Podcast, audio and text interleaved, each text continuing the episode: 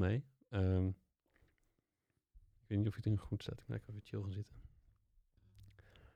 Ja, het viel me nog mee, maar het is, even, het is vooral even wennen ook voor de mensen die hier zitten voor het eerst. Dat je dus het dat je jezelf terug hoort. Ja. En dat heeft ook wel een goed bijeffect. Namelijk dat je, als je gaat praten, ook merkt, oh, ik praat nou. Ja, En dat je jezelf corrigeert als je, daar, als je op het moment toevallig over de andere heen ging praten. Dus dat je veel Ja. meer eh, de microfoon respecteert, zoals de journalisten zeggen. nou, en je hoort het eindresultaat. Dus je, kan, je hoort of wat je zegt wel goed gearticuleerd is, hoor je beter Ja. dan... Ja. de- dit- want die afstand van de microfoon heb je meer controle op. Oh, sorry, ja, ik zit er gevoeligheid aan, te- aan te passen. Ik moet die hebben. Maar dit maakt niet heel veel uit hoor. Heb je ook een jingle die ik dan in kan tikken? Tussendoor? ik wilde er daar niet aan, want dat vond, vond ik moeilijk. ik heb wel een jingle. Ik kan hem wel laten. Kan Oh ja? De intro van de podcast. Ah, Ja. lachen, ja. ja. Nee, dat heb ik, ik heb het trouwens wel. ja, Ja. Welke heb je geluisterd? Nee, eh, nee, ehm, nee, ik heb, nee, nee, ik, heb, ik, ik wilde hem gaan luisteren. Ik heb hem niet geluisterd. Ik heb, de jing, ik heb een stukje, ik heb gewoon even gecheckt wat je aan het doen bent. Ja, Nee, maar dat ga ik dus hierna, ga ik alle andere luisteren, ja. ja, ja, precies. Ik wil, ik wil geen druk van al die anderen erbij hebben. Ik kan mij nog zachter. Geen, ja. Want ik, ik, ik mezelf nou ook niet overschreven, zeg maar. dat je idee hebt dat je... Ik krijg trouwens eh, de groetjes van Coco Jones. Ah, Die, eh, die sprak ik in de auto hierheen. oh, wat leuk. Ja. Is het alweer een beetje beter? Want ik had, eh, ik had laatst al een berichtje ook gestuurd van... Hey, eh, als je een beetje doorheen zit, kun je even bellen. Ja, dat Eh. zei ze. Ja. Eh, maar ze zei ook dat ze maar een half uurtje per dag energie had. Ik dacht, nou, dan moet je niet mij een plezier gaan doen door mij te gaan zitten over bellen. Zeg maar. Nou ja, op zich vind ik met leuke mensen praten wel fijn. Kost daar minder Dat energie. geldt, vind ik ook. Nee, maar het, is wel, het gaat al wel iets, ietsje beter. ja. Ehm, ja. Oké. Maar het is, het is wel... eh, ja. Thanks, Ruud. Is het zo goed? Weet jij of het goed is? Ik heb niet goed gekeken naar die levels en zo, maar... Oké, chill. Ik klink nog steeds heel hard.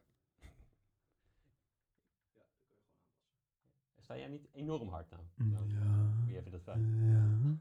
Nee, ik, ik, eh, ja, maar ik kan natuurlijk dichterbij en een beetje verder weg. Ja, maar dat... eh, Dit is wel een balans hoor. Ja, ja, klap, klap. Ja. Toch? Nee, maar de, voor dichterbij verder weg is juist voor de kwaliteit van de audio niet, niet, niet heel handig om daarin te schuiven. Want Nee. wat jij hier hoort is natuurlijk hoe wat hij teruggeeft. Ik blijf gewoon zo zitten zoals ik nu zit. Ja. Toch? Dat hoop ik. Tenminste, dat is de... Dat is, dat is eh, knopje met twee eh, dat wil. ja, precies. Voor de, voor de, de, de headphone bedoel je toch? Ja.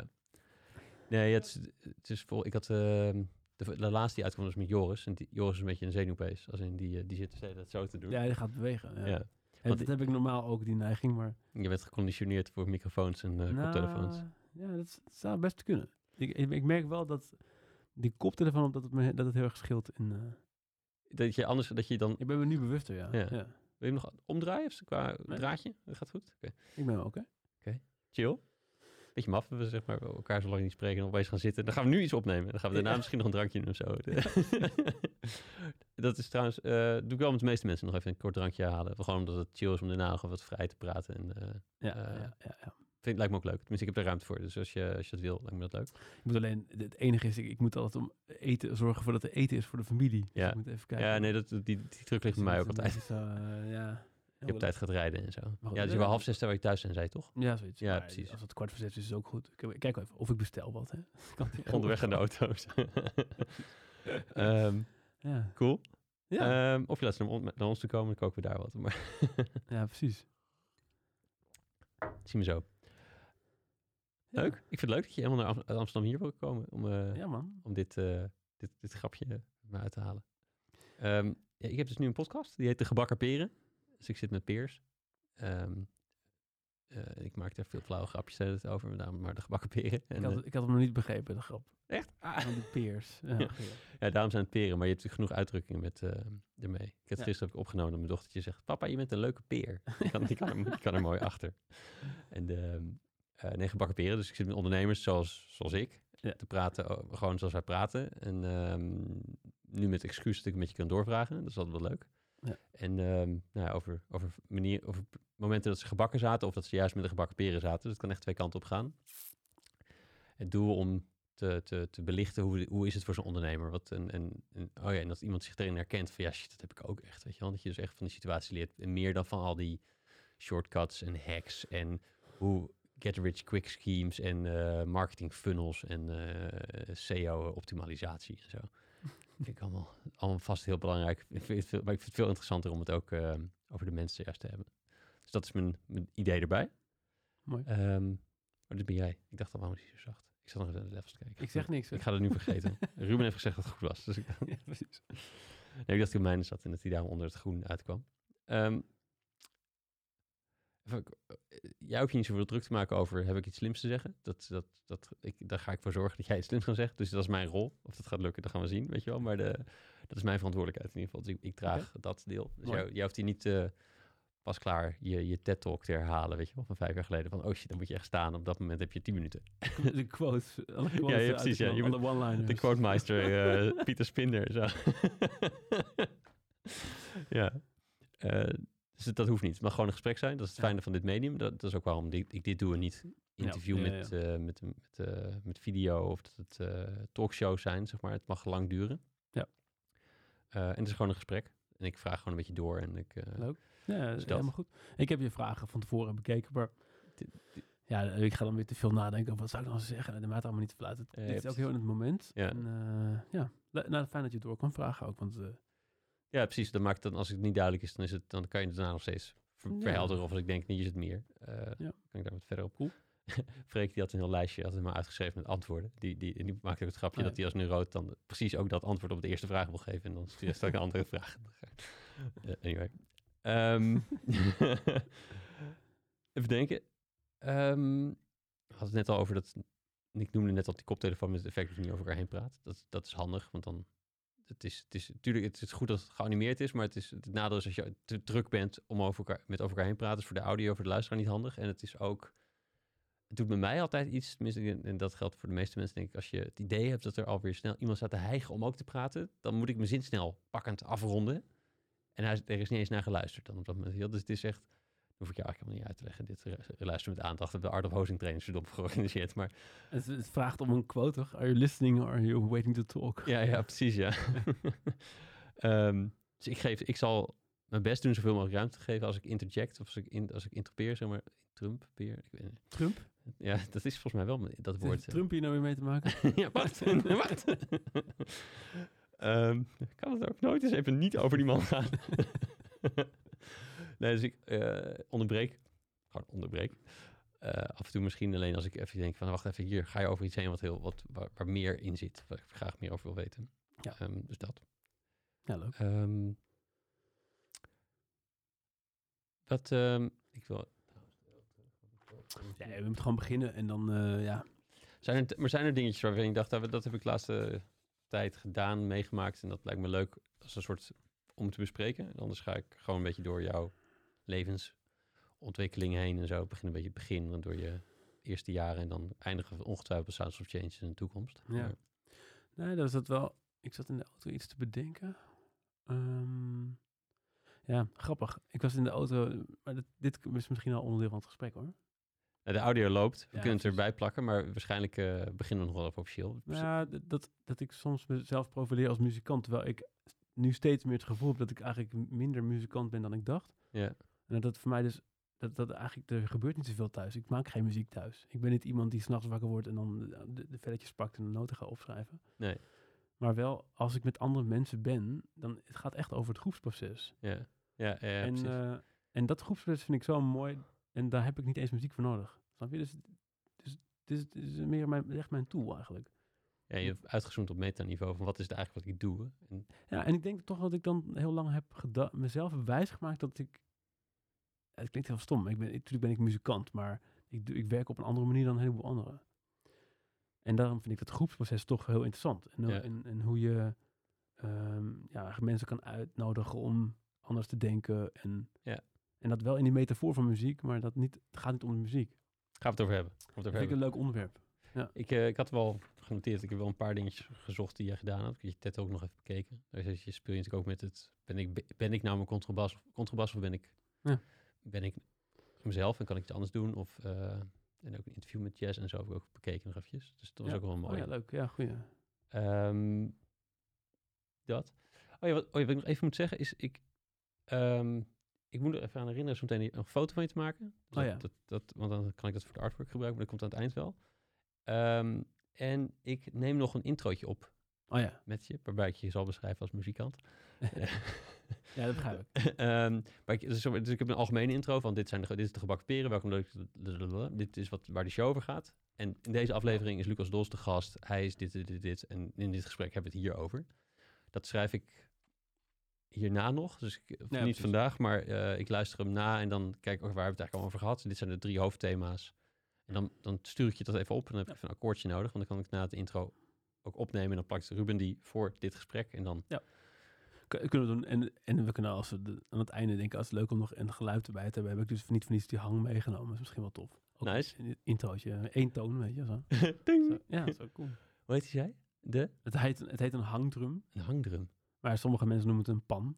Ja, Het is allemaal een beetje het pannetje. Ja. pannetje. het, ja, het, het handpan is het oorspronkelijke naam van het instrument. Huh. Maar goed, Mijn dochter heeft een boekje, Paco in Afrika. Daar zit muziek in. ik heb hem ook. Heb je hem ook? Ja. Oh, nice. Ik heb ook Paco en de, jazzband. We zijn, we zijn nu al sync. We hebben nu al het geluidje voor het eind, zeg maar. Ja. De jazzband. Die was, dat was de eerste die we hadden. Ja. Die was, eh, en ze heeft nu echt zo'n rij, weet je wel. Maar daar zit ook volgens mij dat apparaat, dat apparaat zit erin. Maar ik kom niet op de naam. Nee, dat, dat, dat is een steel drum zit erin. Ah. Dat lijkt er volgens, volgens mij, hè? Maar die staat niet als steel drum erin. Daar heet hij niet steel drum. Oh, Ik ga mijn dochter even hebben. Zo. Dat, dat kan helemaal niet. Die kan helemaal niet hebben. Maar dat, we hebben een magisch eh, instrument. Ja, fantastisch. Ja, anyway. Ja. Ehm, dus dat neem ik nog op daarna. Ja. Ehm. Ik heb een heel lijstje vragen. En mijn, de ervaring leert dat ik hier eigenlijk het hele gesprek niet naar kijk. En dat ik dan... eh, dat, Ja, ik, ja, goed. Ja. dat ik het vooral heb voor het eh, proces ervoor. Dat ik dan zoiets maak, weet je wel. Dat ik dan scherp zit of zo. Dat is heel, heel herkenbaar. ja, je hebt altijd... eh, dit is ook een beetje art of hosting, toch? Dat je... Nee, dat, ik gebruik zeg maar... In elke workshop die ik geef, gebruik ik de, de, de one-liner drop your agenda. Ja, En leg ik uit waarom. ja, Om deze reden. ja. Want je, het gaat wel om het voorbereidingsproces, maar in het moment is het niet meer zo heel belangrijk. Ja, Token, de, de, een, van de, een van de grote... De grote, klinkt al gelijk alsof, alsof de goeroe is, maar een van de grondleggers in ieder geval van de eh, Art of Hosting zegt altijd be overly prepared and understructured. Maar Ja. dat, eh, dat, dus dat is het een beetje. Ik zou trouwens niet durven. Maar we zouden geen one-liners doen. Nee, sorry. Stop, stop met die one-liners. Eh, maar. Oké. Eh, Ehm, dus ik begin zometeen, dan ga ik gewoon vragen en dan gaan we een gesprek. Dus de eerste minuut is waarschijnlijk ongemakkelijk, want dan moet ik officieel beginnen en dan eh, weet ik niet zo goed hoe ik dat moet doen. En dan zeg ik gewoon nee, hoi. maar daarom doe je het aan het einde nog een keer. Nee, dat, is daarom, dat is misschien ook wel zo, dat ik daarom voor die ander achteraf maar die intro opneem. En niet Ja. dat ik nu zeg, Lucas, leg eens even twee zinnen uit wat je doet. Want dat is altijd een vervelende vraag om mee te moeten beginnen. Nee, achteraf is leuk, hè? Ja. Ehm, dus dat. Dus we gaan beginnen. Leuk. Welkom Lucas, bij de Gebakken Peren. Dankjewel. Wat vet dat je hier bent. Ja. Ehm, we zitten in de, de Podcast Garden in het centrum van Utrecht. Dat zeg ik altijd voor Ruben. Die vindt het fijn als je hem contact achteraf voor podcast. Ehm, ik wil eigenlijk beginnen met eh, het begin. Ik eens vragen aan jou hoe je, waar je bent opgegroeid en hoe je, hoe je gezinssituatie thuis was en hoe het avondeten er dan uitzag. En Huh. hoe is dat? Ja, een mooie vraag. Eh, ik ben ehm, opgegroeid. Ik ben geboren in het ziekenhuis in Hilversum. En, ehm, en ik ben opgegroeid mijn eerste jaren in Schravenland. Heel klein dorpje aan dicht tegen Hilversum aan. Ja. Eén straat. en ik woon op het Noordereinde 107. En eh, ja, dat, is- ik vind het nog steeds een magische plek eigenlijk. We zijn er verhuisd toen ik 12, 11 of 12 was naar Ja. Hilversum. Ehm, daarna naar Hilversum dus. Maar ik woonde tegenover het bos. Ja, Dus ik kwam elke dag kwam ik, weer speelde ik in het bos. Ik, ik stak een, een bruggetje de weg over en dan was ik in het bos. En daar was het elke dag hutten bouwen en op zoek naar dieren. En eh, ja, Vet. fantastisch. Ja. Dus heel erg daarmee bezig. Eh, ik vond het dorp waar we tegenaan woonden, is, kort en hoef niet zo leuk. Het was, was vervelend. Ik ben daar ook weggepest op de basisschool. oké. Ik ben daar best wel snel van een school weggepest en toen naar Hilversum gegaan op basisschool. Elke dag op en neer fietsen Ja, als kleintje. Ehm, ja, mijn ouders zijn heel jong, toen ik heel jong was, uit elkaar gegaan. Volgens mij was ik vier of zo, vijf. Ja. Uit elkaar gegaan. Ehm, maar hebben ook allebei toen vrij snel weer andere relaties gehad. Ik heb daar niet, niet, niet heel erg veel last van gehad, geloof ik. Ehm, ik vond het eigenlijk wel leuk, want ik had daardoor eh, dubbele ouders. ja, En dus ook heel veel opa's en oma's. En, en al die ouders hadden weer allemaal vrienden. Dus ik had best wel een sociaal leven. Ik ben eh, in mijn eentje opgegroeid, geen eh, broertjes of zusjes. Maar door, dat, door die nou, complexe thuissituaties, eh, Ja. had ik wel, was ik wel altijd veel met contact, in contact met vooral volwassenen ook wel. Dus misschien ook wel eh, anders als, als alleen, als alleen staan. Nee, als, als alleen kind. Hoe zeg je dat? Als uh, enig kind. Enig, Enig kind, ja. Een enig kind, ja. Ja. anders heb je een soort metgezel en je broertje of zusje in het, in het verdelen van die families en zo. En nu heb je, dan ga jij zelf maar heen en weer of zo. Ja. Ehm, Dus dat, dat, dat kan ik me ook wel voorstellen dat ik dat een beetje gemist heb. Eh, mijn, mijn ouders hadden ook wel leuke oplossingen daarvoor hoor, om met eh, vrienden op vakantie te gaan die ook kinderen hadden. ja, En dan, of, of veel met vrienden om te gaan die kinderen hadden, waardoor ik me niet, eh, niet eenzaam voelde of zo. Ja. Ik was wel een beetje verlegen toen ik klein was. Dus Ja. ik vond het wel eng om op onbekende kinderen af te stappen om eh, te gaan spelen of zo. ja, Dat, eh, dat, dat zou ik, als je broertjes of zusjes hebt, dan ben je toch meer, kan je dat samen vragen. Of kan je, ja, precies. kan je met Precies. elkaar. Dus, dus ik ben, ja, misschien dat ik toch een klein beetje terughoudend was in die sociale contacten toen ik Hmm. klein was. Ja. Ja. Nou, en ik, als je eerst weggepest wordt van de, school, van de basisschool, dan kan ik me voorstellen dat het de volgende keer niet per se makkelijker wordt om, eh, om sociaal snel op iemand af te stappen. Ja, nee, ik, ik werd echt op die basisschool werd ik echt. ehm, in mijn, ik had een lievelingskleur was roze. Dus Ja. ik ging in een roze rokje van mijn moeder naar school. Ja, En eh, mijn moeder vond het fantastisch. En ik vond het was mijn lievelingskleur. Dus natuurlijk deed ik een roze leren rokje aan. ja. Maar ja, dat werd niet echt gewaardeerd. In korte hoef. Ja. Ja. Kort en hoef. Ja. Dus, dat, eh, dus dan word je, werd je echt geconfronteerd met, dat je, met de veroordeling van anderen op basis van je uiterlijk. Ja, ja. En dat vond ik wel. eh, dat, toen heb ik zelf tegen mijn moeder gezegd: ik wil niet meer op deze school zijn. Wauw. Op die leeftijd ook al, ja. Ja. ja. En je ouders waren docent allebei, toch? Of niet? Ja. En, en ehm, ik, heb, ik heb ergens gelezen dat je ze wel echt vernieuwend, vernieuwend noemde, of, inno- of innovatoren noemde. Eh, In welke, hoe uitte zich dat? Ehm, nou, de school waar mijn moeder eh, tot eh, voor kort de les op gaf, die zijn nu met pensioen. Dat was een hele vernieuwende school. Eh, die waren een van de eerste scholen die ook bezig waren met het ehm, Quest-onderwijs. Ja. Ehm, maar ze hebben daarvoor ook een aantal experimenten gedaan toen ik er zat met het, eh ehm, hoe heet het nou ook weer? Het studiehuis en zo. Ze waren een van de eerste scholen die dat gingen proberen of toepassen. Ja. Dus mijn moeder is heel erg bezig met hoe kan je nou leren op verschillende vlakken tegelijkertijd. Dus hoe kon je Frans niet alleen maar uit een boek leren, maar ook in een conversatie met een ander. Of eh, maak een winkeltje en dan ga je iets verkopen en dan ga je daar aan de hand daarvan Frans leren. Of zo. Ja. Heel erg interactief. Die zou het ook projectbasis leren noemen of zoiets. Of, eh, of multi, Ja, verschillende modaliteiten om, om, om het aan te pakken. ja, gewoon in een context leren. Mm. En dat is denk ik wat zij altijd eh probeerde te creëren voor anderen. Denk ik, dat is wel mooi. Ja. Dat je weet, waarom leer ik dat? Ja, Dus als, als, precies. je, als je weet dat een leerling maar één jaar Frans neemt, want er- daarna gooit het uit een pakket. Waarom zou je dan moeilijke dingen leren? Ja. Leer, leer ze dan dingen die ze gewoon echt gaan gebruiken. Een ijsje bestellen op straat of zo. Ja. Of iemand gedag zeggen. Maar niet al die andere zinnen die je nooit gaat gebruiken als je maar één jaar Frans hebt. Dus dat is natuurlijk wel, dat zijn wel gewoon, dat je in, snapt van waar, dat je altijd bezig bent met waarom zou de ander dit willen leren? Ja, precies. als docent. Ja.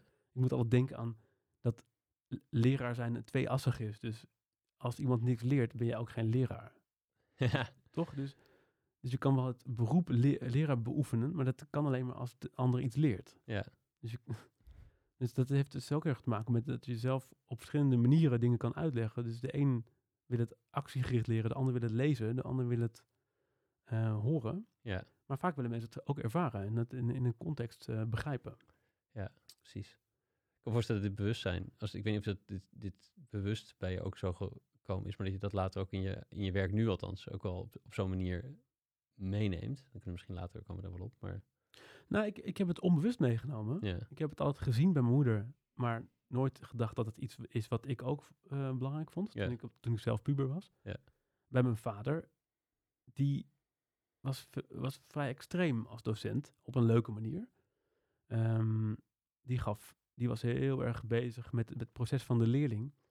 Maar die, was, die veranderde ook de opstelling van de tafels in de klas en liet leerlingen op een, op een stoel staan om een gedicht voor te dragen. En ik weet dat Nico Dijkshoorn eh, heeft, hem, heeft een ode aan hem eh, gericht in de Wereld Door, in een, in een uitzending over educatie. Een ode aan zijn oude leraar Nederlands. En ook in zijn boek hij- noemt hij mijn vader. Omdat hij heel erg werd uitgenodigd en nou ja, bijna, ehm, ja, bijna eh, geduwd in, in het zeg maar, eh, schrijven van zijn eigen gedichten. En, en daarin geloven en het durven ehm, voordragen aan anderen. Ja. Dus die is echt gaan geloven in zijn eigen talent door, nou ja, door, door mede door toedoen van mijn vader toen. Ja, precies. Maar goed, dat werd niet in dank afgenomen. Want als jij in één keer alles, alle stoelen en tafels in een cirkel neerzet en de- degene na jou die wil gewoon weer rijtjes, dat, dus dat levert wel eh, conflicten op ook. Ja, ja, ja, precies. Dat had, mijn, daar had mijn vader dan wel last van. Dat je dus, als je dus echt anders eh, dingen anders probeert te benaderen, maar je neemt de rest van je collega's niet mee, dan... Ja, Dus Ja. dat vond ik dan dingen wel interessant vroeger. Maar nu, met terugwerkende kracht, eh, snap ik wel waarom ik ook op een andere manier eh, met leerprocessen omga. ja, precies. Ja, interessant. Hey, en ondernemerschap, was dat, had, dat, had dat iets? Had dat een lading? Of wa- waren er ondernemers in je omgeving? Of, of, of hoe zag je de... Hoe zag je dat? Had je daar een beeld bij toen je klein was? Nou, nee. ik, eh, ik, ik, ik had niet eens echt muzikanten in mijn omgeving. Dat is heel gek. Ik snap ook niet. De, de muziek ben ik echt gaan maken omdat ik... Iemand mij vroeg, eh, kan je eh, bas spelen? Ik zei, nee, maar ik wil het wel proberen. Beetje Pippi Lankhuis-achtig van, ik heb het nog nooit geprobeerd, dus het zal wel lukken. Nou, zo is het wel een beetje gegaan, ja. Gewoon proberen. Ja, En ook niet het beeld hebben dat ik, ik ging ook niet, ja, ik ging wel ooit op keyboardles, maar dat vond ik heel saai en daar stopte ik dan weer mee. Een beetje hoe je Frans aangeleerd krijgt als je niet je moeder had. Zo werd, werd ook jouw keyboard door de strot gedouwd. zeg Ja, maar die zin. basgitaar, dat was, ontstond in een context. Ja, dat was een bandje, precies. een bandje wat een bassist nodig had. Ja, Dus dan leer je iets wat je meteen kan toepassen.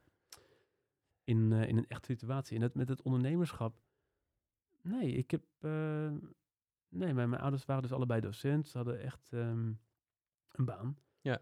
Ehm, dat ondernemerschap, ik was wel bezig met nieuwe dingen bedenken. En, en eh, kijken op de middelbare school al gewoon eh, plannetjes maken. En dan kijken hoe we dat kunnen creëren. Ook al hebben we, hoe kan je op een andere manier omgaan met ehm, ja, mogelijkheden creëren voor jezelf. ja.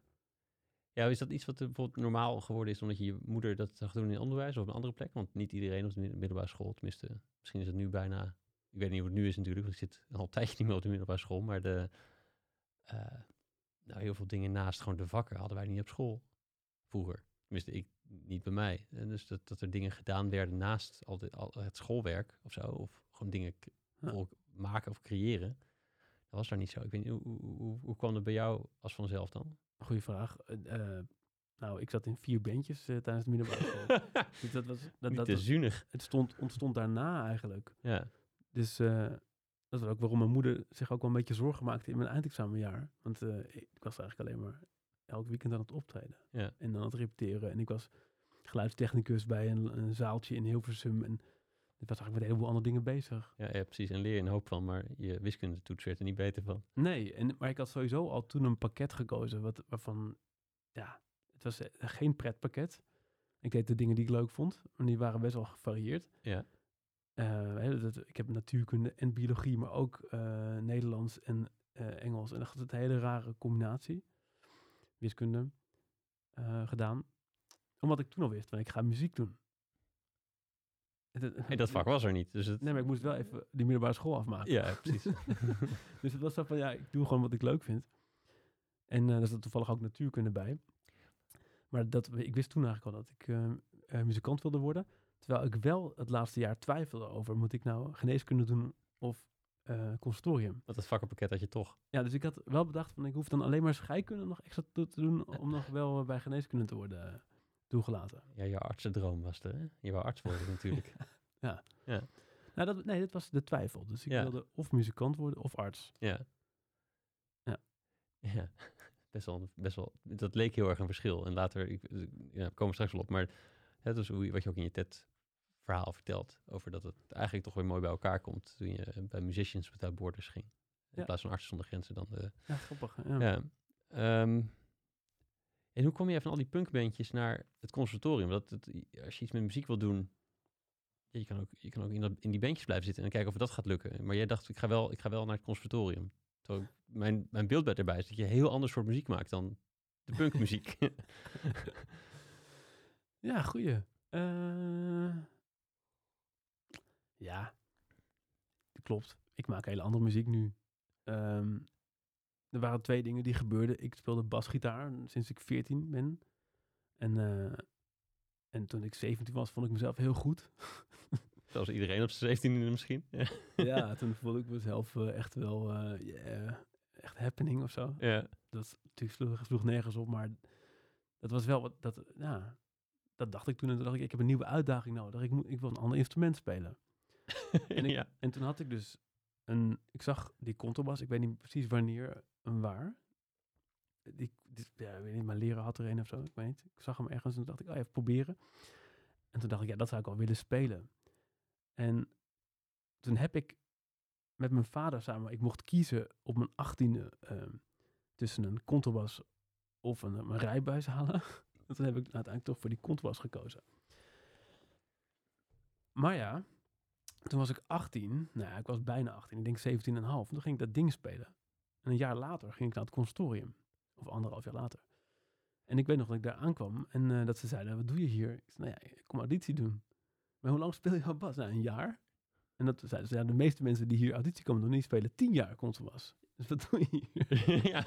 Dus dat was wel een grappig moment. Ehm, dat, maar ze vonden dus wel leuk dat ik dus dat heel graag wilde. Dus ik, ik met mijn gedreven, gedreven, gedrevenheid of de, mijn doorzetvermogen zorgde er wel voor dat ik de vooropleiding mocht doen toen. Nou, ik ben blij dat je zegt dat je het een leuk moment vond. Ik kan me ook voorstellen dat het voor sommige mensen een soort jeugdtrauma wordt. Dat je denkt, Nee, oh, ja, mijn grote droom valt hier in dagen. Want die mensen vinden het geen goed idee. maar het was dus niet mijn grootste droom, want ik, ik speelde gewoon in punkbandjes. eh. en dat zag ik Ja. wat ik een jaar daarvoor had bedacht. En ik was eigenlijk heel blij dat ik naar die vooropleiding kon. Want natuurlijk was het een afwijzing, maar ik dacht ook, oh, het is best wel, ze zien wel iets in mij, anders Ja. nemen ze me niet aan voor een vooropleiding. Ja, dat is wel knap incasseringsvermogen. Dus de, Nou, ik zeg het, maak het misschien iets rooskleuriger dan het was hoor. dit is toch een week, week, week in je bed liggen. Ja, maar ik had vooraf gegaan. Ik had gelukkig wel zo dat ik...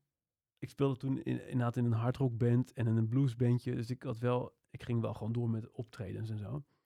En dat was, dat was ook leuk. Ik heb toen een jaar in Amsterdam gewoond Mhm. tijdens de vooropleiding. En eh, heb ik in de thuiszorg gewerkt. Oh. Drie dagen per week.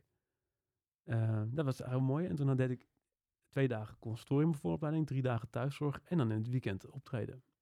Dat was een heel belangrijk, mooi, belangrijk jaar voor mij. Ja. Dus ik vond dat eh, prima.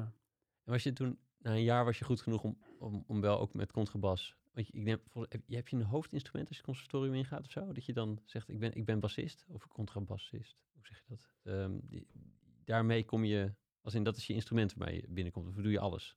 Hoe werkt dat? Eh, je, ja, je, je hebt een hoofdinstrument en dan kan je voor kiezen voor een bijinstrument. Ik had contrabas als hoofdinstrument Ja. en basgitaar als bijinstrument. Ja.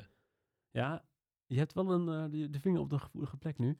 Dus na dat jaar vooropleiding, Ja. toen, dacht, toen dacht ik, nu ga ik naar het eerste jaar. Ja. En toen wezen ze, wezen ze me af. Oh, bastards. Toen zeiden ze, ja, je moet nog een jaar vooropleiding doen. dus, eh, dat was, toen was ik wel een beetje uit het veld geslagen. Ik dacht van, ja, jeetje, eh, ik heb nu al twee jaar, ik speel nu al twee jaar contrabas, kom op. en een drie jaar basgitaar was jij natuurlijk de allerbeste van de wereld. Dus Dus dat, dat was, maar goed. Uiteindelijk heb ik acht jaar op het conservatorium gezeten. Dus twee jaar vooropleiding, vier jaar bachelor en twee jaar master. Dus ik, ik heb mijn tijd wel gediend daar. Ik kan wel zeggen, ja. Ja. Ja, tenminste, nee, ik doe het je niet na om acht jaar het conservatorium af te ronden natuurlijk. Maar de, in die zin eh, kan je wel zeggen, dat is een beetje flauw. Maar acht jaar is wel een goede lange tijd, ja. Maar het was ook wel mooi, want ik heb in die vooropleiding, ik, ik leerde wel meer dan gewoon bij muziekles. Dus ik leerde wel, weet je, dat, de vooropleiding ging ook over eh, muziekgeschiedenis en over theorie en over in een bandje spelen en, eh en contrabasles. Dus het, Ja. was wel echt, het was echt waardevol om te doen. Ja, ja. Het was een beetje extended muziekles, maar het was waardevol. En toen heb je het afgerond. En toen, toen zat je volgens mij al in Room 11. Ja. In, in, in, in waarschijnlijk nog drie andere bands, als ik het zo hoor. Toen, ja, toen ik in, eh, in mijn laatste jaar conservatorium zat, of, of in het derde of vierde jaar, toen eh, werd ik gevraagd voor Room 11, ja, Ja. om daar in de band te spelen. Ja. Hey, en nou ja, dus het afronden van zo'n opleiding is ook een soort van eikmoment. Maar eh, wat, wat betekende dat afronden op dat moment voor jou? Want je was ook al druk bezig natuurlijk. Ik kan me voorstellen dat je begint het niet met het afmaken, maar je, je muzikale carrière was al gewoon begonnen. Ja, ik, dat was best lastig, want ehm, ik, heb ik heb tijdens die opleiding heb ik best veel projecten gedaan die, ehm, ja, die veel tijd kosten. Ik heb toen, volgens mij in mijn tweede jaar conservatorium, heb ik een theatertour gedaan met Orkater. En dat waren 50 voorstellingen. Ja, Nou ja, als je 50 keer speelt in, in een, tijdens een schooljaar, dat, dat is best lastig. Want dan moet je dus elke dag om eh, een uur of twee, drie 's middags daar zijn bij een theater en dan moet je spelen. Ik had niet zoveel tijd.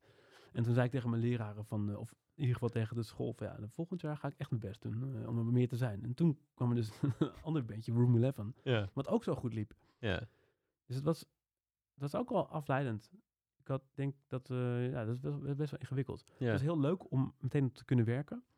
Maar het heeft ook wel een bepaalde focus van die opleiding afgehaald voor mij. ja, precies. En ik weet dat bijvoorbeeld bij andere opleidingen, ik weet bij theater en dans is het volgens mij niet zo gebruikelijk dat je zulke grote projecten aanneemt tijdens de opleiding. Ja. En, dat, en een goede, mm, snap ik ook wel. Wat, wat, wa- hoe verklaar je trouwens dat jij in al die projecten eh, terecht kwam?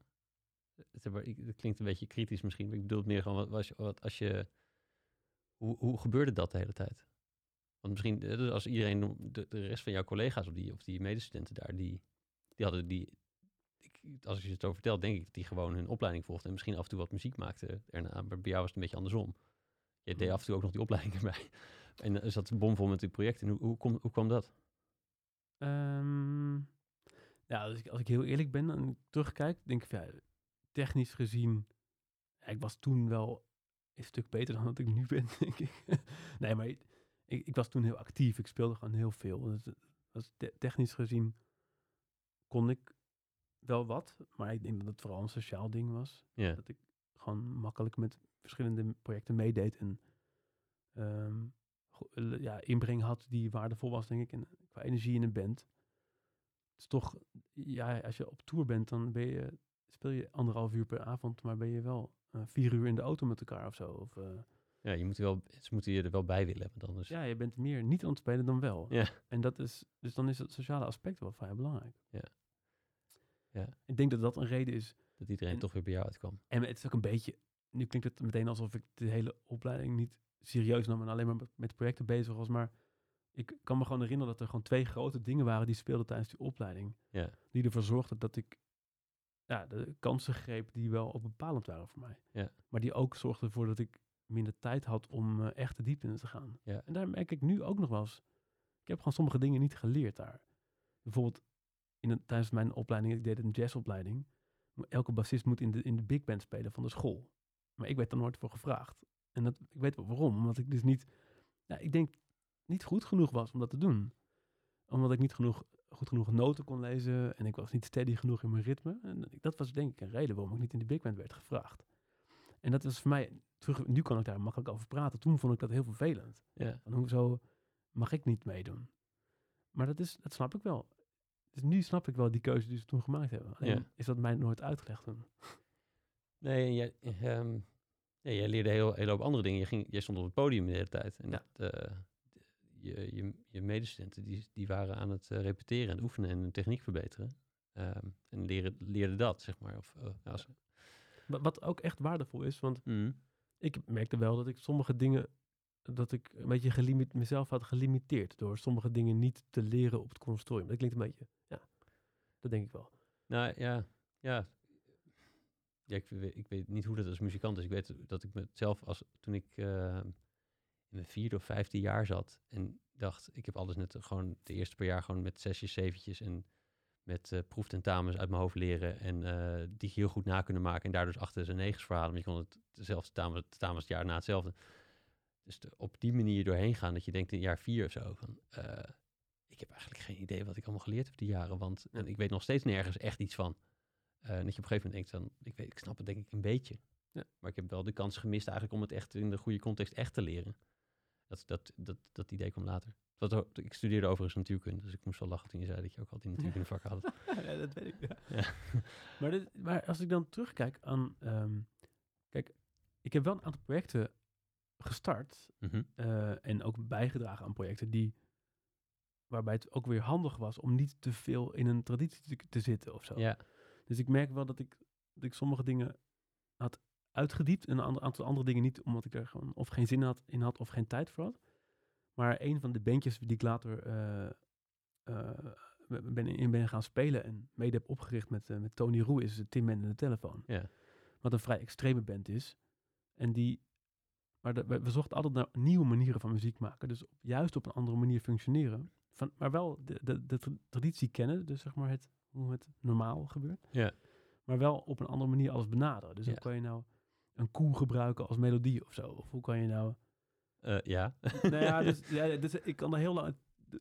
ik zou hier een uur over kunnen praten over die band, maar het ging heel erg over hoe kan je inspiratie halen, halen uit dingen buiten de muziek. Ja, precies.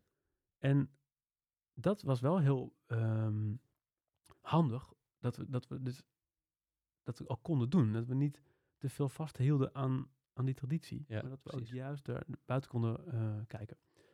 En als ik dan terugga naar de eerste, die vraag die je hier voorstelde over ondernemerschap, dat is bij mij daar ontstaan. Ja. In het, in het hebben van een band die niemand kent en eh, een beetje en gek vindt. Hoe ga je dat in de markt zetten eigenlijk? Ja. Dus hoe kan je nou een band, niemand kon het vergelijken met iets wat al bestond. En dan wordt het heel moeilijk om iets weg te zetten. En dan moet je creatief zijn. Ja. En dat was voor mij de start wel van, van het ontdekken van mijn ondernemerschap. Ja, precies. En hoe ben je dat aangevlogen? Die, met, met die- gekke band, de Tim Man? Nou ja, dus eerst wilden we, dachten we, nou, we moeten in het Bimhuis spelen in Amsterdam. Dat is eh, onze plek. En eh, daar hebben ze allemaal gekke muziek, dus wij een mailtje sturen, bellen. En Bimhuis van, ja, maar jullie, wat doen jullie nou? We snappen er helemaal niks van en het is te ingewikkeld. En oké, nou ja, dat werkt dus niet. Oké, dan gaan we naar Paradiso, want dat, eh, die hebben dan popmuziek, misschien dat we daar beter... Nee, snapten er ook niks van. En toen dachten we, nou, dan moeten we maar onze eigen avonden gaan organiseren. Dus toen hebben we inderdaad een, ehm, een, zijn we avonden gaan organiseren in Amsterdam. Waarbij we zelf het geluid deden en het licht en de drankjes en de stoelen neerzetten en zo. En daar eh, kwamen in één keer 150 mensen op af. Want wij gingen ja. dus... eh, ik heb nachtenlang met posters door de stad geplakt en met behanglijm en flyers gemaakt en overal neergelegd. En eh, echt heel erg actief daarmee bezig geweest. En dat hebben we drie keer gedaan. En drie keer uitverkocht. Met posters erbij. En iedereen was, eh, weet je, dat was echt van die guerrilla-acties s'nachts met Ja. Hoofdlampjes en behanglijmen onder, onder de bruggen en zo. Ja. Nice. Ja. Bang voor de politie, weet je. Ja, ja, ja. Maar dat zorgt er wel voor dat als die, als die avonden goed lopen, ah, dan moeten we dat dus, dan kan het ook wel ergens anders. Dus dat je eigenlijk laat zien dat je ook zelf voor een publiek kan zorgen. En dan komen die zalen ook vanzelf ehm, met de vraag komen, dat kun je ook bij ons komen. Ja. Dus dat je eigenlijk meer je eigen, je eigen bewijs leveren, leveren dat je, dat je marktvatbaar bent. Ja, een bewijs leveren. Ja. En dus dat vind ik sowieso interessant. Van als je op een andere manier functioneert of een andere visie hebt, of, eh, dan is de eerste periode vaak ingewikkeld. Want dan, ja, mensen willen toch liefst naar een concert wat, van iets wat ze al kennen, of wat ze, waar ze een recensie over hebben gelezen, waar wat vergeleken wordt met iets wat ze ook kennen. En, eh, maar als je iets anders doet, moet je, ben je toch langer bezig met de aanloopperiode. Ja, je moet echt op zoek gaan eh, naar diegenen die al zoeken naar iets wat aansluit bij wat jij maakt. Of waar, waar bij hun behoefte al een beetje, waar dit genoeg op lijkt. Ja. Dus die, die al een beetje zoekend zijn. Eh, en die moet je helpen. Op, want die mensen, die, die, je bent nog niet te vinden. Dus je moet, je moet hen helpen jou te vinden. Ja. In het begin, dat geldt voor ieder nieuw bedrijfje. Ehm, want het, eh, als je, dat geldt voor nieuwe modemerken of eh, nieuwe, nieuwe creatieve oplossingen geldt het ook. Er zijn nog een paar nieuwe, een paar mensen die hebben dat probleem.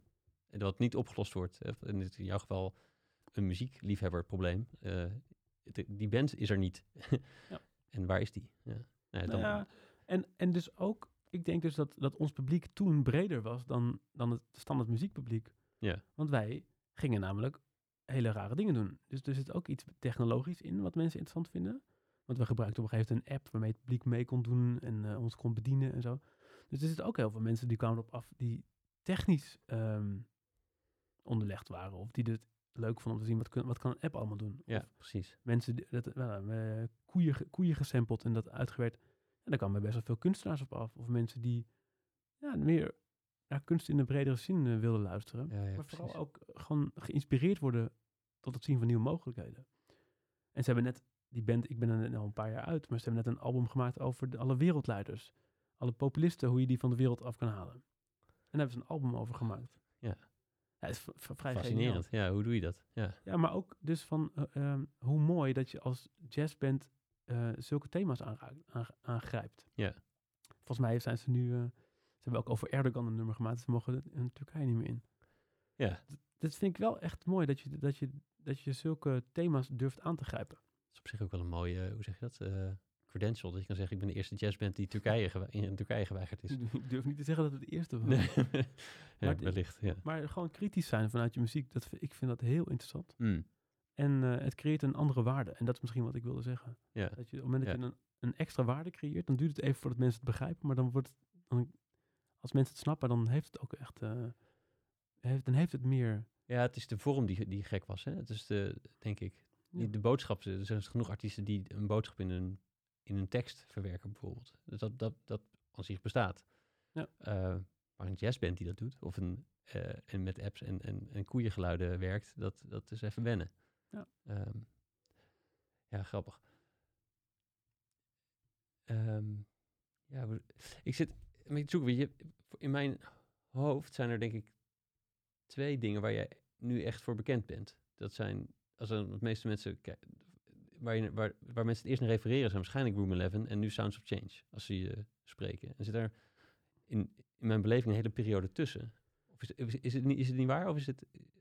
En Hm? je kijkt een beetje sceptisch naar. Nee, nee, ik zit even te, te rekenen. Ehm, ja, Room 11 ging in 2009 uit elkaar. Ja, Die zangeres is wel doorgegaan onder Ja. een aantal andere namen. En uiteindelijk nu onder de naam Janne Schra. Mhm. En ik heb eigenlijk bij elk project van haar daarna wel iets gedaan bij het opnemen van een album. Of, eh, en eerst heette het Schradinova, toen heette het eh Jannes. En daarna heette het Janne Schra. Ja. En ik heb bij haar, er komt een nieuw album uit binnenkort. Dat heb ik ook weer met haar opgenomen. wauw. Ja. Ja, leuk. Een Nederlandstalig album. Heel interessant. Dus er zit een periode tussen. Maar die, een aantal muziekdingen zijn ook wel doorgelopen. Ehm, maar 2009 tot zeg maar 2017, dat klopt. Er zit inderdaad een flink wat jaren tussen. Ja, en dus, nou ja, het- ik, ik weet niet goed hoe... ongeveer. Ja, zeg Acht ongeveer. ongeveer acht. Ja. Nee, eh, Nee, dus, dus- Eh, dus- sorry. Ik zal, nu, nu onderbreek ik je eventjes. Knip. Ehm, nee. Dus zit- tussen 2009 en 2017 zit, zit een periode. En die heb ik op een aantal verschillende manieren ingevuld. Ehm, een aantal eh, muziekdingen zijn doorgelopen eh, op een lager pitje. Dus ik heb een aantal bands gehad, waaronder met sommige werkzaamheden met Janne Schra die wel doorgingen. En nu ook weer een nieuw album wat volgend jaar uitkomt. Ehm, maar ik heb eigenlijk in rond eh, 2010 ben ik heel erg gaan kijken naar wat, wat is nou mijn, wat wil ik nou eigenlijk in mijn leven verder. Ja, precies. Nou, waar, waar we hiervoor ook een beetje over spraken. Dus ik kan me voorstellen, als je jouw beeld over, je, over je ben ik, een, ben ik een muzikant of ben ik, ben ik, ben ik, ben ik Lucas en doe ik dingen?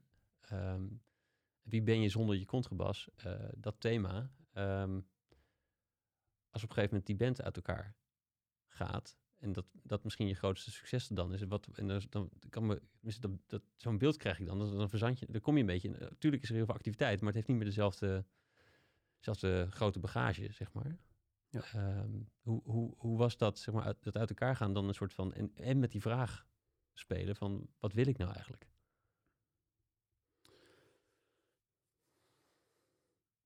Ik denk dat, dat die band uit elkaar ging, dat was heel goed. Er, er gebeurde namelijk allemaal, het is een beetje clichématig, maar de, als je succes krijgt als band, dan wordt het niet allemaal even leuk. Mm. Dus er gebeurden een heleboel bijzondere dingen, maar daar kwamen ook allerlei conflicten. En ik denk dat het, eh, dat het goed was dat we uit elkaar gingen toen. Ja, Omdat, men, omdat we allemaal toch een, een andere behoefte hadden, een, een, een, andere richting op wilden. En ehm er ontstonden gewoon een paar verschillende kampen in, die- in die band. maar hoe was dat voor jou daarna vervolgens? Hè? Dus het, ehm, de, de, de politiek van de band even, even daar gelaten. Maar hoe was het voor jou om, om opeens dan zonder zo'n groot project, ja, wel met heel veel projecten, heel Mhm. veel bezig te zijn, maar misschien minder die grote, Ja, oh ja, precies. die grote boog te hebben? Nou, ik ben in eerste instantie ben ik, ben ik me meer gaan duiken op dat, op dat Tim in de telefoon. Omdat Ja. dat voor mij toen inhoudelijk heel sterk was. Want ik dacht, ja, het, het, is, het maakte een beetje een brug tussen gewoon muziek maken en bijna activist zijn. Mhm. Dus zo voelde dat voor mij een beetje. Dat je ehm, activist in de muziekwereld om te laten zien dat je anders met muziek om kan gaan. Maar ook activist naar het publiek toe. Dat je kan laten zien, jongens, ehm, eh, dus dat je politieke thema's kan aanpakken met muziek. Ja. We, we- we begonnen al heel snel met een, met een liedje over met Geert Wilders. En eh, we hebben allemaal best wel veel ehm, thema's uitgepakt. Eh, die uit politiek, uit ehm, dierenrechten. eh, nou ja, dat moet je maar aandurven, ook als band. Ja. Omdat je namelijk ook mensen in het publiek kan hebben die daar eh gechoqueerd van zijn en misschien niet meer komen. Of zo. Dus dat is wel voor mij een mooie brug naar wat ik daarna ben gaan doen. Ja, Alleen zo'n band, in zo'n band spelen op hoog niveau. Want dat was namelijk technisch heel hoog niveau en internationaal heel hoog niveau. Team en de telefoon. dat vergt nogal wat. Heel veel toewijding. Ja. En ik weet dat eh, de, de, de oprichter van die band, Tony, die, die, die slaapt, volgens, slaapt volgens mij eh, vier uur per nacht. En, en de rest is hij alleen maar aan het werk. Dat is een beetje overdreven, maar bedoel, het, is, het vraagt nogal wat eh, om op heel hoog niveau dit soort dingen te gaan doen. Ja. Want je bent namelijk niet, dat, dat, het, het publiek zoeken wat zo moeilijk als in Nederland, is namelijk ook zo moeilijk als je namelijk in Spanje gaat spelen, of in Engeland of in Amerika. Dus je bent eigenlijk overal weer opnieuw mensen over te, aan het halen om, om jou te zien. Je moet mensen helpen om jou te zien, maar dan ben je wel, moet je wel actief mee bezig zijn. Ja. Dus het was nogal een, eh, een opgave. En voor mij, eh, dat, dat activistische was eigenlijk voor mij sterker uiteindelijk. Dus ik, ik had op een gegeven moment meer ehm, interesse in dat activistische dan in die muziekkant. ja, het effect weet je, van je werk. De boodschap van je werk. Meer dan het, hoe het klonk. Ja, en dat was, dat, dat was ook de reden waarom ik op een gegeven moment eh, niet meer in die band kon spelen. Van, van hun kant, van mijn kant. Omdat ik eh, merkte dat ik het technisch niet meer bij kon dragen. Ja, ja. kon dragen, omdat ik voelde dat... het- dat ja, ik vond dus die, de, de boodschap heel interessant en, en, en het activistische erin. Maar muzikaal had, stak ik er minder tijd in. En, maar het was dus en muzikaal. De techniek vroeg heel veel om, hoog, om, om op hoog niveau te doen. Maar ook het elke keer weer internationaal je, je, je, je, je groep mensen te vinden die, eh, die dat wilden horen. Dus op beide vlakken moest je echt eh, moest Ja. het hard gaan. Dat is wel grappig. Ik ken jou natuurlijk pas sinds de, die Nomad-tijd. En, eh, eh, en toen viel me volgens mij al op dat, dat jij meer dan andere studenten daar, die allemaal iets ondernemends gingen doen, ook altijd die balans enorm of wel scherp had. Van ik doe iets nieuws en interessants, maar ik vergeet niet dat ik daarnaast ook dat het altijd ook een ik moet het weer delen of ik moet het weer ehm, ik moet ook soort ik moet heel strak altijd ook mijn promotie blijven doen. Dat dat Mhm. er altijd wel in zit bij jou. Ehm, en misschien is dat toen al ontstaan dat het bijna als vanzelf intussen gaat, maar dat viel me toen al op dat je dat, dat, je dat eh, meer dan anderen die allemaal, die allemaal een beetje huiverden voor, "Pff, nu moet ik allemaal werk doen en zo. Ja. Ehm, jij dacht, ja, dat, eh, dat, dat, ja, dat moet ook. Ik ben artiest, maar ik ben, moet ook zorgen dat ik, dat ik mezelf verkoop. En ik ben, Ja, ik, ik, ik moet, dan ga ik toch één one-liner gebruiken. Maar ik had pas wel een hele mooie ehm, van iemand. Ik ben dus vergeten van wie, maar dat je dus...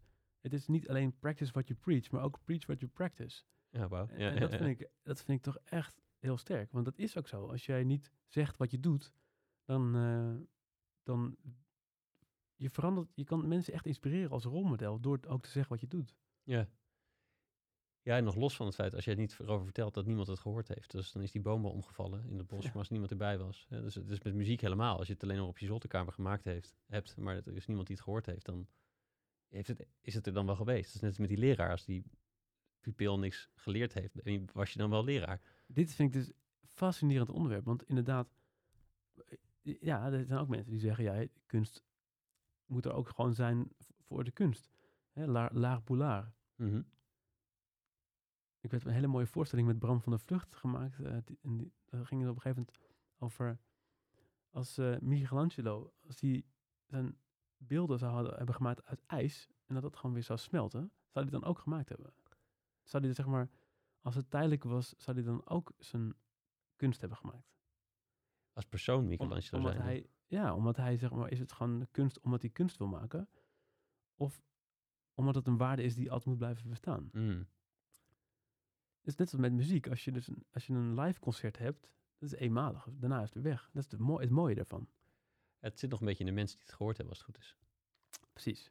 Ja. Hetzelfde als met zo'n eh, beeldhouwwerk uit ijs. Dat mensen die het dan zien, maar dan na een maand Daarna niet meer. is Ja. het, na een paar dagen is het gesmolten. Maar dat gold voor alle muziek voordat we het opnamen. Ja, dat, dat- dus, ehm, dus alle muzikanten in de, in de 19e eeuw Ja. en daarvoor, die, het opnemen bestond nog niet. Misschien dat het hele, hele idee van kunst of muziekkunst dan ook, was ook iets anders dan waarschijnlijk. Maar en heel veel kunst werd gemaakt niet voor een museum, maar om dus een kerk eh, mooier te maken. Ja, En dan was het eigenlijk decoratie. ja precies. Dus dat was in, heel vaak in opdracht van ook. Mhm. Maar ehm, eh, ja, ik denk wel dat het, dat het wel belangrijk is van dat je, het hoeft niet uh, daarom te gaan, maar op het moment dat je iets doet wat, waarmee je een verandering in de samenleving wil, tot stand wil brengen, dan is het wel goed om te noemen wat je doet, laten zien wat je doet. Ja. Want alleen al het laten zien wat je doet, daarmee, zonder dat mensen het ervaren, hè, dan is in het horen van wat je doet, kan je wel weer mensen inspireren. Ja. Dus ook al zou je hier met een groep werken, of in een, op een school, of in de samenleving, of iets doet, kan je mensen in Australië inspireren door te laten zien wat je hier doet. Ja. Dus ik denk dat dat wel eh, dat het een grote ripple effect heeft Ja. door, door te vertellen wat je doet. Ja, precies. Ja, en ook in het werk wat je nu doet, met, met alle workshops in de, in de conflictgebieden, eh, het laten zien van dat werk, maar verandert iedereen's beeld die dat ziet over die mensen daar. Ja. Net zo goed als dat jij natuurlijk het leven van die, van die kids daar verandert, ehm, verandert het beeld door het te zien. Dus het, eh, het imago van zo'n gebied verandert daarmee. Ja, je- dat is een hele goeie. Dat is precies. eh, nou, wij, wij, wij trainen dus ook eh, volwassenen, juist om zelf met kinderen te werken, zodat Mm. dat er iets achterblijft als wij weggaan. Ja. Dat je niet. Dat, ik ben ooit begonnen met direct met kinderen te werken, wat ik fantastisch vind. En dat kan ik ook vrij goed. Alleen, het is niet duurzaam. Want je gaat elke keer weer weg. En dan. Ja, iets wat continu eh, st- start en stopt, dat heeft, is niet echt. eh, ehm, dat, ja, dat, dat is niet houdbaar. Ja. Dus lokale mensen opleiden wel. Ehm, maar je hebt gelijk. Op het moment dat je dus lokale mensen opleidt en dan hier laat zien ho- hoe je dat doet en wie dat doet, ja, dan creëert meer, meer beweging, meer empathie hier Ja, en meer verbinding daar. ja, ja, precies. Komen we zo op terug, denk ik, als we meer over, over, over Sounds of Change en hoe het allemaal gaat daar praten. Ehm, ik ben nog even benieuwd naar hoe die, hoe die zoektocht naar wat wil ik nou eigenlijk echt doen Hm. ging in die jaren. Ehm, natuurlijk onder andere bij Nomads terechtgekomen, maar ehm, hoe, hoe was die, ja, die periode volgens mij druk met veel projecten, als ik het zo hoor. En- Nou, er was, er was één, één kantelpunt en dat was eigenlijk, ehm, het was eigenlijk de oorlog in Syrië, die eind 2010, als ik niet vergis, begin of 2011 begon. En ik weet nog dat in het eerste jaar dat er heel weinig eh, organisaties daarheen gingen naar Syrië, omdat het gewoon te gevaarlijk was. Maar er waren wel heel veel vluchtelingen rondom Syrië, dus in Jordanië, Libanon en Turkije, Irak. En na een jaar toen, eh, toen ja, was, ik, zat ik, was ik op Facebook aan het kijken. Nee. En, en er was een vriend van mij, eh, Marlijn Twaalfhoven, Mhm. en die zei, ja, die oorlog is al een jaar gaande en dan gaan, we moeten erheen. We moeten iets gaan doen voor die mensen. Dus wie gaat er mee?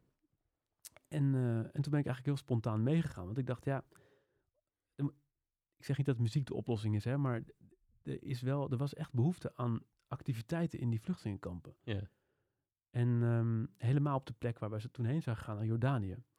Dus ik heb eigenlijk heel spontaan een ticket gekocht en ben meegegaan met die groep. En toen kwam ik in Jordanië aan, in, eh, in Amman. ja, En ik kwam volgens mij een vliegtuig, eh, ik kwam om vier uur s'nachts aan of zo. Ik had de dag daarvoor nog een optreden. Ik weet niet meer, dat, dat kwam me heel onhandig uit. Dus ik kwam, ik kwam om vier uur in mijn hotel aan. En om zeven uur vertrokken we naar het vluchtelingenkamp. kom je daar even rauw. Kom er rauw en, en de rest van het team was er al. En in één keer kom je in een vluchtelingenkamp waar toen 140.000 mensen zaten. Dat is niet te bevatten. Nee. En eh, het was een tijdelijk kamp wat ze ooit hadden, wat ze hebben ingericht daarvoor, eh, voor 30.000 mensen. En er zaten er 140.000. Nou ja, er is dus niet genoeg water, niet genoeg tenten. Het was 40 graden. Het was nog een oorlogsgebied, dus er waren echt eh, die helikopters zo daar overheen vlogen. En super confronterend. Ehm, er was geen elektriciteit.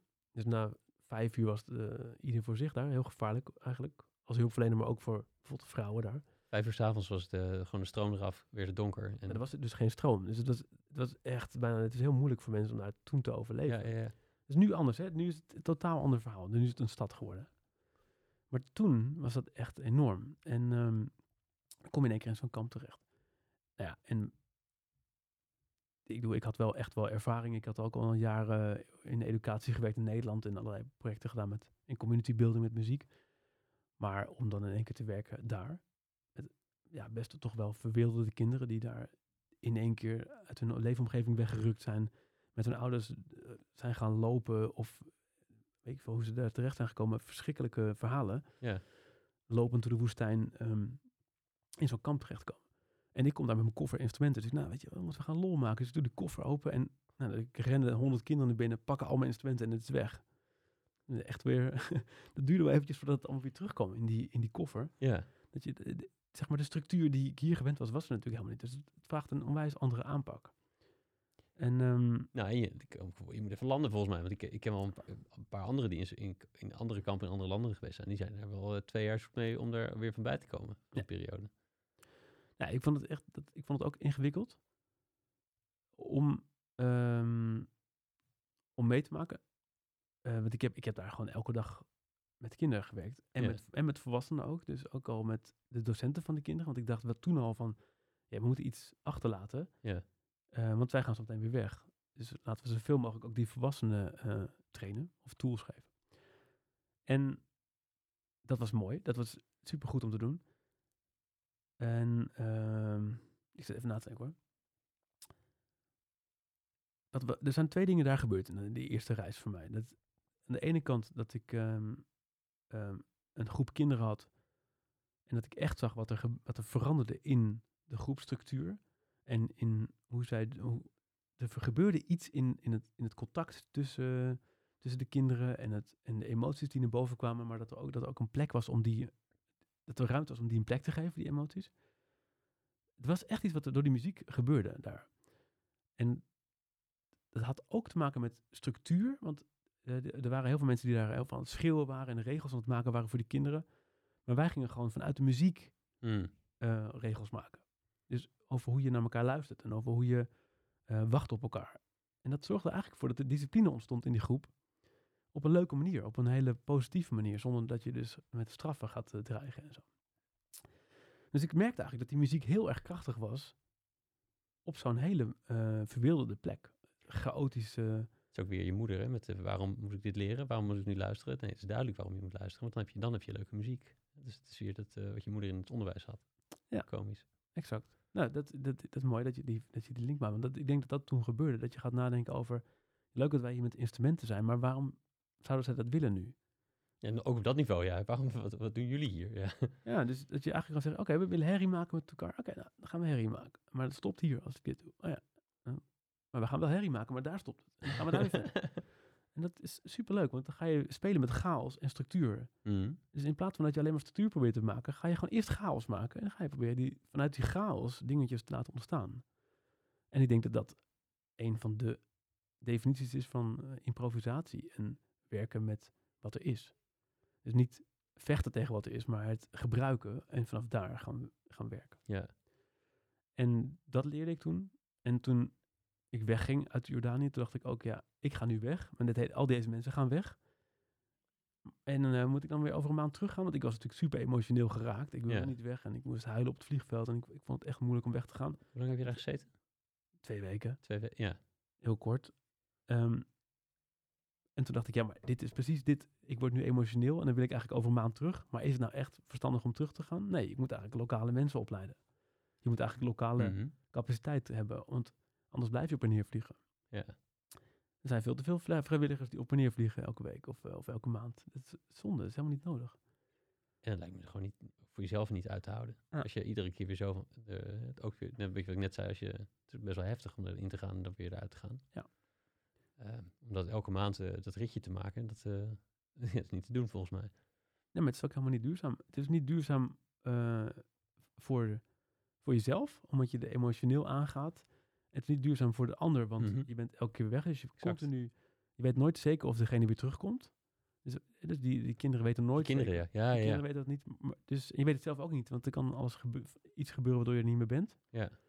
En voor het milieu is het natuurlijk ook al verschrikkelijk Mm. om zoveel te vliegen. Ja, Ehm, nou, en ik ben dus later nog een keer teruggegaan, twee jaar later, naar hetzelfde kamp. Om te kijken wat is er nou veranderd. En er is echt veel veranderd in het kamp. En het mooie was dat ik toen ook weer ben gaan werken met muziek, met kinderen direct. En ook om te kijken van, hé, hey, wat, wat zijn er nu andere werkwijzes die heel goed aansluiten hier? Ja. Ik heb toen echt een paar bizarre dingen gezien van, van kinderen die, was één meisje wat niet meer praatte. En zij was komen lopen vanuit, eh, vanuit Syrië met de ouders en ze, was, ze had iets meegemaakt. Hè? En ik kan je natuurlijk heel veel over bij voorstellen wat ze heeft meegemaakt als je uit een Mm. oorlog vlucht. Ik weet niet wat. Maar ze kon niet praten. En dat ze dus in vijf dagen van achter in een hoek, geen oogcontact naar de grond kijken, een beetje dwaas, steeds dichterbij kwam elke dag. En op een gegeven moment stond te zingen voor mijn neus. Ja. Ja, dat is ongelooflijk. Ja. Dat kwam, ik denk dat het komt door, door muziek, maar ook door, door de energie die loskwam. En Mhm. misschien wel door mijn uitnodiging van haar elke dag. En maar heel rustig aan, ja. dat er iets gebeurde in die groep. Ja. Ja, dat, dat is voor mij gewoon magisch. Dat, ja, ik heb wel eens eh, op het podium gehad met Room 11 of zo, dat mensen meezingen of moeten huilen bij een liedje. Maar dit heb ik nog nooit meegemaakt. Nee, ja, precies. Dit is bijna, dit, dit is zo goed als het redden van een leven. Nou ja, het, dat, daarom zeg ik van, ik weet niet zeker of het door muziek komt. Ik denk het van wel. Ehm, ik denk dat het kan ook door het groepsproces komen of door de, een bepaalde veiligheid die je creëert door de, weet ik veel, nee, dat Ja, maar die context die je meeneemt, hè, dus of het, wat het precies de aanleiding was, maar het effect is, is, is heel duidelijk. Exact. Ja. Exact. En dus ik geloof er heilig in dat muziek heel veel kan doen. En ik denk ook dat de dingen die ik doe eh, therapeutisch kunnen werken. Alleen Mhm. ik zeg niet dat ik een therapeut ben. Maar dat, die nuance vind ik wel belangrijk. Want ik ben ook echt geen muziektherapeut. Maar ik werk wel met muzie- muziektherapeuten samen. Mm. En we snappen elkaar wel goed. Dus de werkwijze komt wel overeen. Ja. En dus dat zijn voor mij waren dat de twee triggers om, te- om met Sounds of Change van start te gaan. Van ehm, de muziek heeft veel meer kracht dan ik dacht altijd. Op een sociaal-maatschappelijk eh, vlak. En als je dat echt wil doen op dat soort plekken, dan moet je dus lokale capaciteit trainen. Ja. Maar ja, dat, waar begin je dan? Ja. En dat was de, voor mij de, de, de start van mijn quest, questen naar... ehm, ja, dan moet ik iets leren over ondernemerschap. En hoe begin je een bedrijf? En hoe kom je aan funding? En hoe kom je aan een team? En hoe... eh, nou ja, al dat soort vragen. ja, het compleet andere context dan hoe jouw ondernemendheid eh, zich ervoor uit. Want er waren er gewoon, er waren zaaltjes en er was publiek en, en, en, en guerrilla. Exact. Ja. En nu, dat was voor mij de, eigenlijk de, de grote vraag... eh, waarom ik Nomans in ben gegaan als opleiding. Ik, soort business school, omdat ik echt wilde weten... is dit echt wat ik wil doen? En welke skills heb ik nodig om dat te kunnen doen? Ja. Maar ik heb toen ook gezegd... ehm, als dat zou betekenen dat ik nooit meer bas ga spelen... of iets heel, een ander pad op ga, dan moet het ook kunnen. Dus ik, ben wel, ik heb wel van, tegen mezelf gezegd van... ik ben bereid om alles op te geven... om open te staan voor de nieuwe richting die Nomads me zou kunnen bieden. ja. En uiteindelijk bood me dat dus het, het combineren van mijn twee dromen. En dat, dat- dat ik dat een soort van arts wilde zijn. Niet een soort van, maar ik, ik leek me heel mooi om dokter te zijn en echt andere mensen te kunnen helpen. Mhm. En muzikant. Waarvan ik vroeger altijd dacht, ja, dat is een twee gescheiden werelden. ja. Maar nu, ja, ik denk dat ik toch bij Nomads dat bij elkaar heb kunnen brengen en in mogelijkheden ging denken. Ja. Vanuit mijn passies. Ja. Passies, twee. Ja. Ja. En ik, ik vind het altijd een beetje eng om te zeggen, ik ben een mu- muziekdokter of ik ben een dokter met muziek, want dat is ook een beetje, vind ik ook een beetje pretentieus, omdat je namelijk, ik, ik, he- ik heel geen mensen. Maar, het is niet ik, dat er een rij met mensen met een bepaalde aandoening in de rij staan om, ge- om geheeld te worden door jou. Precies. Dus het- het maar is- ik creëer wel de omgeving waarbinnen er veel kan veranderen. ja, ja, ja, precies. En dat, en zo, net zoals mijn team, ik, bedoel, ik ben nu niet meer in mijn eentje, maar dus we werken met processen waarbinnen een, verander, een verandertraject eh, tot stand kan worden gebracht. Ja, Maar dat dan claim je niet dat iedereen die muziek maakt dus daarna blij is of eh, ja, ja de precies. depressie kwijt is of zo. Ja. Kun je nog iets meer schetsen over hoe zo'n, hoe zo'n eh, ik noem het maar een workshop, denk ik, maar eh, hoe, hoe zo'n sessie eruit ziet daar? Hoe, hoe, hoe, hoe is de sfeer vo- vooraf? Hoe staan al, hoe staan al die mensen erbij? Hoe is het vlak daarna als je opeens denkt, oké, het stopt nu? Want dan lijkt me ook een lekker contrast, want dan, dan stopt dat Ja. muziek maken en dan moet je weer terug. En, Ja. en, ook, eh, en het, wat is het blijvende effect bij die, bij die deelnemers? Het zijn eigenlijk drie vragen, hè? Dus drie, drie Ja. facetten die me, zo, die me integreren. Dus het, het, het vooraf, het starten, en het, het, het direct daarna en het lange termijn. Ehm, nou, ik denk dat we dat ik zelf door een aantal fases heen ben gegaan met hoe, hoe we werken. Ja. Ehm, als ik eh, als ik direct met, met de doelgroep werk, met de doelgroep werk, dus met kinderen, dan is het een enorm verschil van ehm, dat, je, dat, ik, dat ik heel erg zie dat kinderen die heel erg, ehm, ja, je zou bijna het woord wild willen gebruiken, niet gewend zijn om, om samen te werken of niet gewend zijn om ehm, iets over zichzelf te vertellen of te zeggen of eh, naar een ander te luisteren of ehm, de rust te hebben om, eh, om echt eventjes eh, ja, iets te bekijken en het om te draaien en het nog eens te bekijken. Gewoon echt perspectief, andere mogelijkheden. Dat ze, dat niet, dat ze daar niet toe zijn uitgenodigd. Dus op het moment dat je dan muziek gaat maken, dan be- beseffen zij ook in één keer dat, dat het dus mooi is. Dat als ik iets speel, dan luister jij. Maar als jij speelt, dan luister ik dus. En dat is best wel moeilijk om uit te leggen als je aan het praten bent. Maar in muziek is het eigenlijk logisch, want ja. En sommige instrumenten zijn harder en sommige zachter, maar dat betekent niet dat dat dan mooier is of zo. Dus dat je eigenlijk een soort van dynamiek gekoppeld aan diversiteit of aan ruimte maken voor elkaar of de communicatie. En zo, zo maak je gewoon heel veel van die muzikale eh, metaforen, eh, lijntjes tussen de muziekwereld en de wereld waarin je eigenlijk normaal met elkaar omgaat. Ja. En daar zie ik echt veel verandering in. Ehm, dus nou, dat kinderen in, één keer eh, ja, eh, lachen met elkaar, huilen met elkaar, eh, dat, er, dat er energie ontstaat, maar dat ze ook mogelijkheden gaan zien. Er was, ik weet dat er in één, ik was in één vluchtelingenkamp in, eh, in Libanon. En toen ehm, hadden we een sessie. En dat op een gegeven moment was er een jongetje wat heel, wat door iedereen eh, werd be- benoemd als troublemaker. Een soort van Mhm. probleemventje.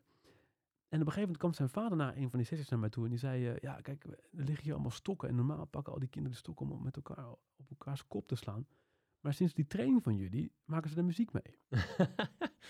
Ja, ja. dat vind ik fantastisch. ja. En ik weet ook een keer dat we op een gegeven moment ook in een kamp kwamen. En toen, eh, ook in Libanon. En toen lag er heel veel afval. Allemaal, allemaal plastic flessen en allemaal teringzooi. En toen dachten we hé, hey, stel je voor dat we al die flessen zouden verzamelen. En we maken er shakers van. Dus we hadden die kinderen gezegd, jongens, oké, jullie krijgen vijf minuten. En dan moet je alle plastic flessen van het hele kamp verzamelen en hier op een stapel leggen. Dat hadden ze gedaan. Binnen vijf minuten was al het plastic, eh, al die plastic flessen bij elkaar. En toen zeiden we, nou, we hebben grind in gedaan. En toen hebben we, we hebben allemaal shakers gemaakt. Dat waren muziekinstrumenten. En dat is zo grappig, want daardoor laat je dus zien dat er, dat er dus objecten een andere, een andere eh, functie krijgen. Ja. Dat, zijn, dat zijn eigenlijk dingen die, die je soms direct ziet. Ehm, maar het, is een beetje een, het is, het is een beetje een grote vraag, omdat ik, omdat je namelijk, ik werk met de kinderen direct en met volwassenen direct. En het is allemaal net op een ander niveau. Maar wat, waar het vaak over gaat eh, in onze trainingen is dat we mensen uitnodigen om hun verhaal te delen. Ehm, en dat ze dat met elkaar doen. En dat we ook rode draden gaan vinden tussen die verhalen. En dat we eigenlijk ehm, de, de verhalen samen bundelen en daar liedjes van maken. Of dat ze hun eigen verhaal in een liedje Ja. maken. Dat, we eigenlijk, dat je eigenlijk bezig bent met een soort storytelling. Maar op een creatieve manier. En dat soms mensen het heel eng vinden om hun verhaal te vertellen. Maar ze durven het wel te zingen. Je, dat, dat, dat soort grappige ontwikkelingen zie je soms. En hoe is dat dan? Ja, dus in dat, in dat na afloop, dan stoppen jullie. Dus dan, dan is de sessie voorbij.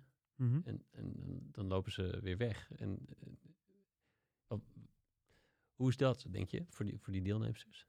Die, het contrast. En ook voor, op- opeens is het weer stil daar. Dat lijkt me ook, dat lijkt ook zoiets geks. het contrast is vrij groot. Ehm, je hebt. Ik heb. eh, ja. Nee, we, we, we willen, willen echt iets. We willen proberen iets blijvends achter te laten. Maar het is een beetje wat ik net ook al zei: van. We, we willen graag dat.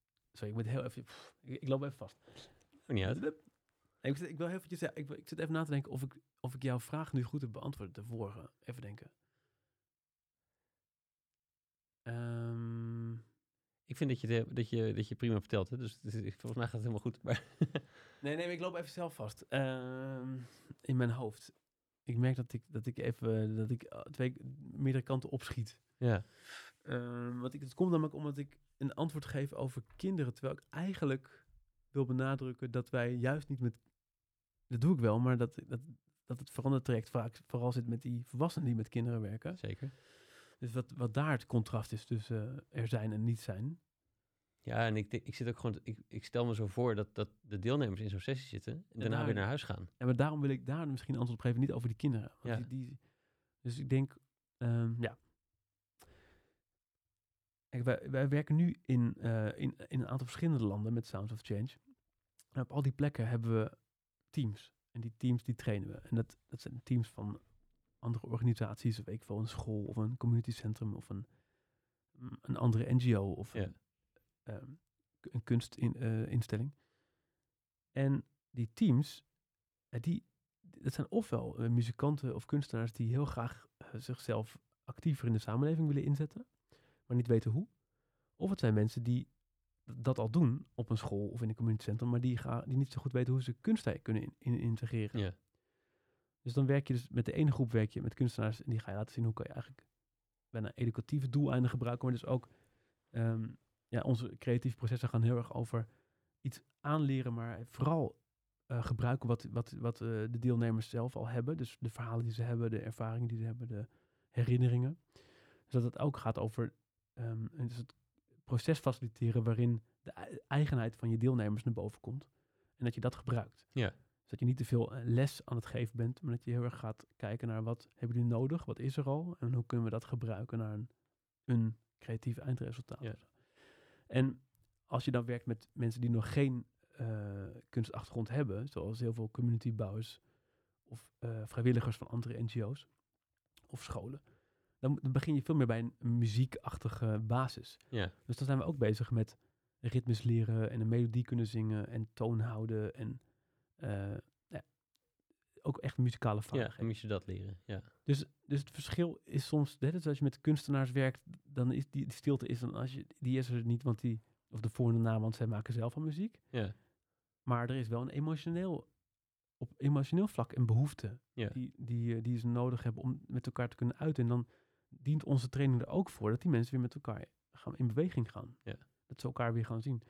En eh, dat ze ruimte hebben voor elkaar. Die, eh, die andere groep, die dus geen muzikale achtergrond heeft of geen kunstachtergrond, die, ja, dat, die, hebben, die merken dus in één keer, hey, we, kun- we kunnen muziek maken. Ik wist helemaal nooit, ik heb heel vaak mensen in mijn trainingen die zeiden, ja, ik heb nooit muziek gemaakt, maar blijkbaar kan ik een liedje schrijven of blijkbaar kan ik zingen. En dat kan, hoeft helemaal niet zo ingewikkeld te zijn. Dus dan laat ik zien, nee, dit is een glas en dan kan je optikken en dan heb je een instrument. Ah, dan hoef je dus geen darbuka voor te hebben of dan hoef je geen eh oet. Nee, dat kan ook daarop. En daarmee laat je ook juist anderen zien, je kinderen of de groep mensen waar je mee werkt, dat, dat je dus je omgeving kan gebruiken als instrument. Nou, dat, dat, is, dat is een heel mooi transformatieproces bijna. Ehm, maar ik merk wel dat, dat het, het ehm, neerzetten van bepaalde waarden waar- waarin, waarbinnen wij werken, zoals ehm, elke, dag, elke dag met een check-in beginnen en een check-in eindigen, dat, dat zijn ook de dingen die ze zelf in stand houden. Hmm. Dus het muzikale gedeelte ligt soms stil als wij weg zijn. En dus, en- en soms, maar er, er zijn bepaalde waarden die ze altijd overnemen die wel vaak blijven. Ja. Zoals elke dag met elkaar beginnen en, en veel meer ruimte voor elkaars verhalen, emoties, eh, ervaringen. ja. En Er zit een soort shock in die, in die, in die muziek. Opeens gaan ze, gaan ze anders met elkaar, leren ze anders met elkaar omgaan. Het, wat- weet je, het reageren en het luisteren op elkaar in plaats van allemaal heel hard met stokken slaan. Eh, ja, en daardoor is er misschien ruimte om, om ook die check-in te accepteren. En dat, dat blijkt opeens een heel makkelijk toepasbaar ritueel te zijn. En, en blijf, Ja. blijft dus een blijvende verandering in hun hoofd met eh, hoe gaan we met elkaar om. ja en, en die zetten zij dus door naar de, naar de kinderen of jongeren waar ze Ja. zelf mee werken. Dus eigenlijk dat je Dat je Mm. bepaalde. ehm, ik, de, de een die, die gaat daarna elke dag eh, eh, gitaar spelen thuis. En de ander niet, omdat hij geen gitaar heeft of dat minder de behoefte aan heeft. Maar er zijn wel bepaalde dingen die iedereen doet. En dat zit, Grappig. dat zit heel erg in dat groepsproces. En dat eh, proberen we ook te stimuleren, dat ze dat in stand houden. Dat ze in stand houden dat ze dus de dag met elkaar beginnen en eindigen. En dat als er een probleem is, dat ze, dat ze gaan zitten. En dat ze naar elkaar gaan luisteren. ja, mooi. En dat zijn echt zulke mooie, waardevolle dingen. Ja, wauw. En een heleboel werkvormen die we hebben, heb je geen instrumenten voor nodig. Dus dat zijn spelletjes, dat zijn eh, eh, compositieopdrachten die je gewoon kan doen met body percussion of met je stem of met, met je geluiden uit de omgeving. Ja. Dus dat zijn de dingen die je gewoon door kan zetten. Ja, vet. En tuurlijk is het altijd, als wij er zijn, gebeurt er meer en is, het, is, het, is de energie groter, omdat, we, omdat ze dan excited zijn om weer nieuwe dingen te leren en te- Mhm. te doen. Maar er is ook iets wat door blijft gaan als we weg zijn. Ja, mooi. En dat proberen we nu, doordat we nu meer online zijn gaan werken, proberen we dat te overbruggen door online coaching te doen tussen de trainingen door die we geven. Ja, dan ben je er misschien wel vaker dan daarvoor. Nou ja, je zou je efficiënter met je, van je tijd gebruik kunnen maken, omdat je online af en toe kan inchippen, ja. Het lijkt me nog wel ingewikkeld trouwens. Met eh, muziek online maken. Ik ja, ja, dat lijkt mij ingewikkeld, maar je- misschien is dat wel goed te doen. Nou, dat hangt vanaf wat je doet, maar het, het samenspelen en heel snel op elkaar reageren is, is lastig, ja. Ja, Maar het hangt vanaf wat je doel is van de muziek. ja. Dus als je doel is contact maken, dan kan je ook bedenken of je contact kan maken op een andere manier. Met wel met geluid, maar op een andere manier. Dus, nou ja, Vet. daar, hebben, daar hebben we wel weer heel veel dingen over Mm. ontwikkeld. Omdat je namelijk, ja, er is, er is, wel, er is heel veel wel mogelijk. Ja, wel, je, je zei net al, moest ik opeens ondernemen. Ik moest het opeens echt gaan maken, een team, financiering, et cetera. Hoe, hoe ben je, hoe ben je dat aangevlogen toen? Ja, je had opeens een missie, maar nog geen club, nog geen model of geen... eh, ja, hoe ben je dat gaan doen? Ehm, Nou, ik, toen ik bij Nomad zat, toen was natuurlijk het, het onderwerp van sociaal ondernemen van, was natuurlijk een groot eh, thema. Ja, Omdat iedereen altijd bezig was met hoe kan je nou sociale waarde creëren. Ook al maak je, heb je een product, kan je dat niet alleen maar, eh, dat het niet alleen maar over winst gaat. En dan heb je natuurlijk hele mooie voorbeelden hè, van Fairphone en Tony Chocolonely en Tom's, Mhm. Tom's Schoenen. Weet ik veel. Maar dat, dat, zijn, dat zijn, vind ik ook inspirerend namelijk. Dat, je, dat, dat, dat, dat mensen zeggen, we hebben een product, we gaan dat product heel goed in de markt zetten. En met, met die winst gaan we hele mooie dingen doen. Dan ben je, dan ben je op zulke vers- verschillende vlakken ben je mooi iets aan het veranderen. Ja. En dat was natuurlijk ook mijn ideaalbeeld van als ik zelf iets zou starten. Alleen toen ik ehm, die opleiding had afgerond, toen werd ik gevraagd om voor Musicians Without Borders te werken. Wat heel interessant was. Ik heb daar twee jaar eh, of anderhalf jaar trainingen voor gegeven in eh, Rwanda, Tanzania en Palestina. Maar dat is, dat is qua structuur een traditionele NGO. Die dus funding binnenkrijgt en met de funding projecten uitvoert. En er zitten natuurlijk ook een heleboel andere nuances aan. Die doen ook, ja, die proberen ook steeds meer eh, creatiever daarmee om te gaan. Maar ik dacht eigenlijk toen ik, toen ik Sounds of Change startte, van ik wil dat dus wel op een sociale ondernemerschapsmanier gaan doen. Dus eh, funding uit verschillende hoeken krijgen. En, en de trainingen die we doen niet, eh, eh, zeg maar, alleen maar tre- trendgevoelig neerzetten. Dus als je als je als NGO of als goed doel geld krijgt van mensen, is het vaak omdat mensen het belangrijk vinden wat je doet, maar ook soms wel omdat mensen eh, een schuldgevoel hebben en denken, nou, ik geef jou wat geld, want dan, hoef, dan gebeurt er daar iets. Terwijl dan ga, ik ga niet naar Libanon of naar eh, Ja. J- Jordanië of een schuldgevoel uitbesteed. schuldgevoel afkopen. Ja. Maar dat betekent ook dat het trendgevoelig is. Dus er is een oorlog in Syrië. Mensen geven geld voor Syrië, maar na twee jaar probeer nog maar eens geld op te halen voor een project in Syrië of in Libanon. En die, ik merkte het net met die, met die ramp in Beirut. Dus, eh, wanneer was het? Een paar, drie maanden geleden? Ja, Nee, zoiets. langer. Ja, ik, ik weet het niet precies, maar Nee, wat je niet zo- Ja, goed. Eh, ramp in Beirut. En dan komt er dus 18 miljoen binnen vanuit Nederland. Maar dat, dat is veel geld. Ja. Eh, maar dat is daarna, vergeet iedereen het weer. Dus een maand later is het weer. ja, dus die gevoeligheid wilde jij niet in je, in je club. Je wilde echt een onderneming starten die, die duurzaam, of dat continu. Nou ja, de, de verandering is een veel langer proces. Dus als je noodhulp biedt, dat is misschien, ik denk dat ik dat wil zeggen. Als je noodhulp biedt, je, ben je korte termijn bezig. Want dat is korte termijn, hopelijk. Dat wil je ook. Je wil zo snel mogelijk dat het opgelost is en dat je weer verder gaat. Maar als je een, een blijvende verandering wil brengen in een community, dan ben je jaren bezig. Dus moet je ook zorgen dat je dus financiële stromingen hebt die dat kunnen faciliteren. En dat is dus niet bij het vragen om een eenmalige donatie. Dus moet je eigenlijk mensen hebben die dus een maandelijkse bijdrage geven. Ja. Nou, dat is ten eerste. Dat, hoe, hoe doe je dat? Dat is best wel interessant. Hoe kan je op een andere manier mensen uitnodigen om een maandelijkse bijdrage te geven? Ja. Nou, dat doen we met Sounds of Change wel op een, ik denk, leuke manier. J- Want jullie hebben een orkest, een orkest waar je een stoel kan vullen, toch? Precies. Ja. En ik dacht, ja, ik vind maandelijkse donateurs zo saai klinken. Ja. Dus wij noemen het dan de Orchestra of Changemakers. Want ik vind ook dat die mensen maken het verschil. Ehm, niet eens in het absolute bedrag wat ze geven, maar wel in dat ze de lange, voor de lange termijn committen. Dat is de verandering natuurlijk. Ja. Want dat helpt ons namelijk om meer steady te zijn. En die mensen, wij, in ruil voor die maandelijkse bijdrage, krijg je één keer per jaar een concert speciaal voor die, voor die orkestleden. Waar ze ook zelf aan weer aan meespelen. Ik wil zeggen, ja, want dan moeten ze natuurlijk ook op de stoel gaan zitten. Nee, dan mogen ze er ook staan en met een instrument meedoen. maar dat, dat is een van die, van die ideeën die een beetje ontstaan zijn uit, uit allerlei mogelijkheden die we met Sound of Change proberen te creëren. Ehm, en aan de andere kant denk ik van ja, traditionele funding. Er zijn natuurlijk heel veel fondsen in Nederland die heel graag willen bijdragen aan dit soort projecten. Dus ik ben helemaal niet dat ik daar niet open voor sta. Het is niet zo dat ik dat niet wil, maar het is wel zo dat ik probeer dat in een goede verhouding te hebben tot andere dingen. Ja. En dat als je alleen maar afhankelijk bent van fondsen en in één keer zegt de fonds, ja, dit jaar hebben we geen geld meer, Mhm. of we hebben een andere focus, Ja. Dan ga je met je projecten. Want Ja. als jij een vijfjarig traject hebt, maar na een jaar zegt een fonds, we hebben geen geld meer, dat, Ja. dat, dat schiet je, dan schiet je niet echt op. Wat wel opschiet is bijvoorbeeld workshops geven in het bedrijfsleven. Dus wij hebben de, dat, dan ben je wel aan het verkopen. En dat is natuurlijk ook kwetsbaar, want je kan ook dan even niks verkopen. Maar wat, we- wat wij proberen te doen is eh, in het bedrijfsleven de waarden die we hebben eh, ontwikkeld in het Midden-Oosten over hè, de- hoe ga je met die groepsdynamieken om? Wat ik net zei, van al die dingen die er veranderen in zo'n groep door te improviseren en te componeren en te spelen met elkaar. Ja. Dat kan je ook met volwassenen doen. kan je ook met volwassenen eh, in een managementteam doen. Ja. En dan gaat het in één keer wel over creativiteit en leiderschap en over, over team bouwen. Maar vanuit de muziek. Ja. En toen ik daarover na ging denken, dacht ik, ja, ik weet eigenlijk zoveel over leiderschap onbewust. Ja. Ehm, dat je weet hoe je een, een groep muzikanten kan aanzetten en uitzetten en harder laten spelen. En, en maar dat je dus, hoe, hoe stuur je, hoe, hoe nodig je die mensen uit om dat te gaan doen. Daar zit heel veel leiderschapstechniek onder. Ja, ja, ja. Maar daar ben ik me nooit zo bewust van geweest. Ja, dit is een beetje Tom, het Toms-model, dus eh, het, het one for one. Eh, dus de, de sessie daar levert dan, betaalt de andere, betaalt de sessie verderop. Exact. Dus dat, dat, dat doen we nu.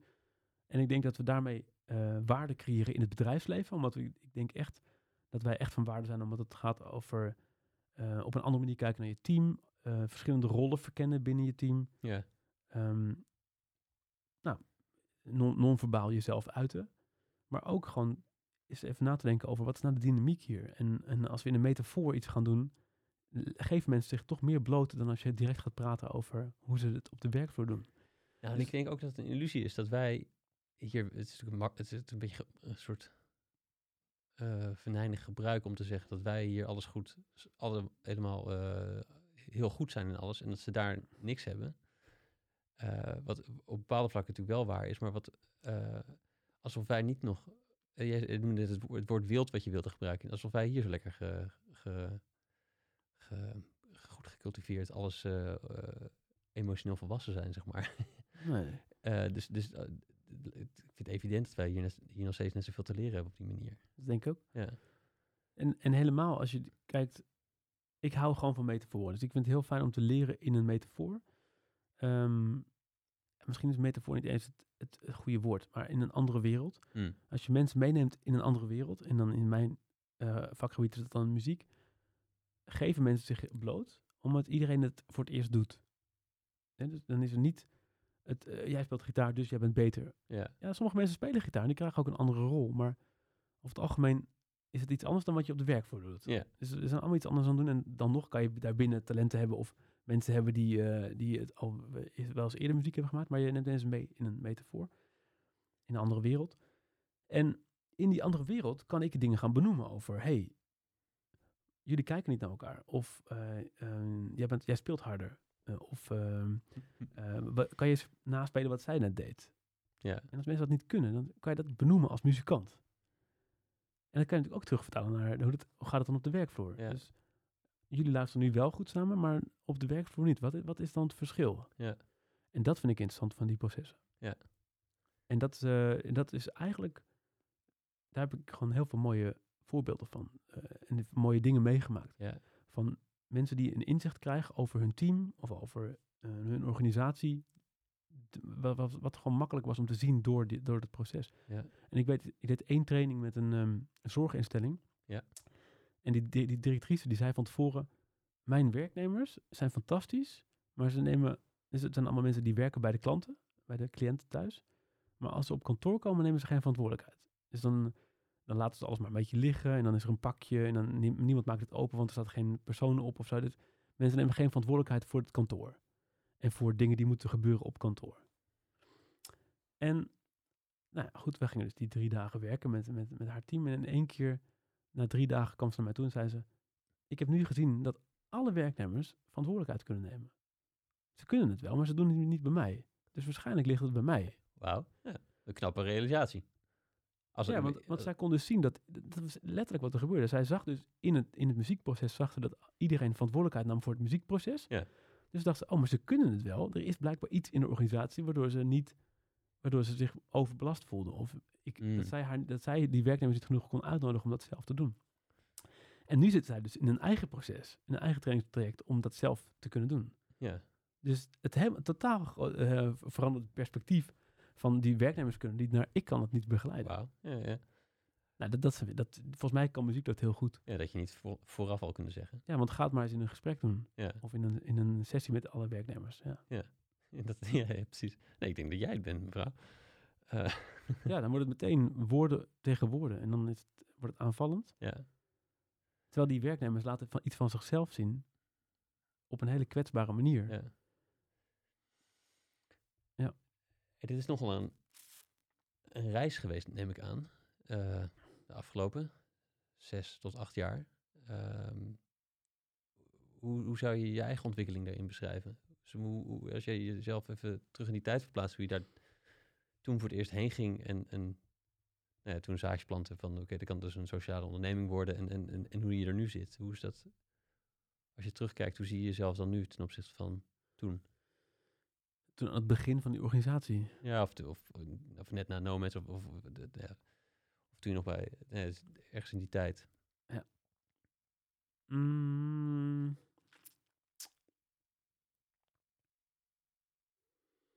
Ja, er is zoveel gebeurd. Eh, Even denken hoor. Ik heb, eh, ik heb wel een rouwproces gehad. Wat betreft muzikant zijn. Het heeft wel echt een periode geweest dat ik echt veel minder speelde. Dat vond ik wel lastig.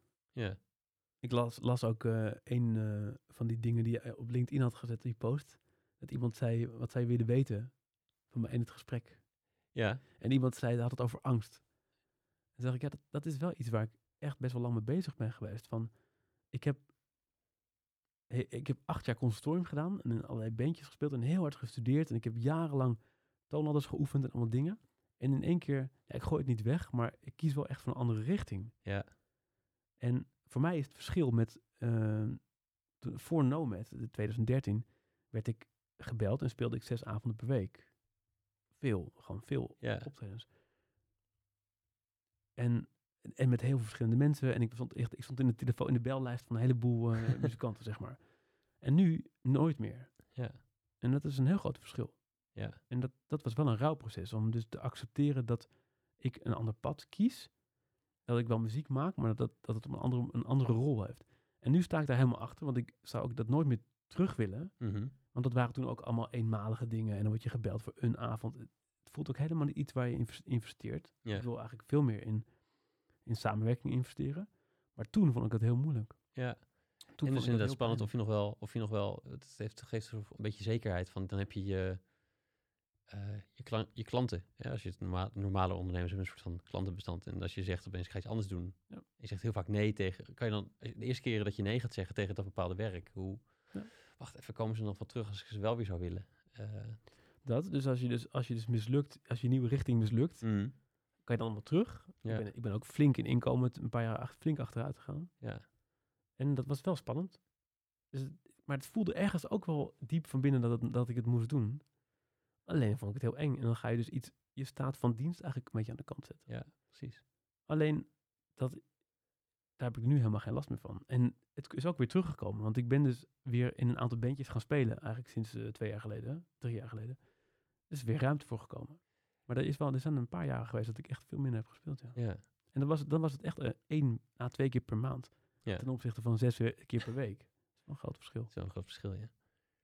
Nou, ik kan me nog wel herinneren ook dat je, ja, wij deden een keertje met de universiteit, deden we een sessie dat, ehm, dat ik en twee andere initiatiefnemers eh, het verhaal gingen delen. En dat we, we jou zo gek hadden gekregen om dat te begeleiden. En dat jij eigenlijk eerst dacht, nee, het lijkt me eigenlijk heel leuk om dat zonder instrument te doen.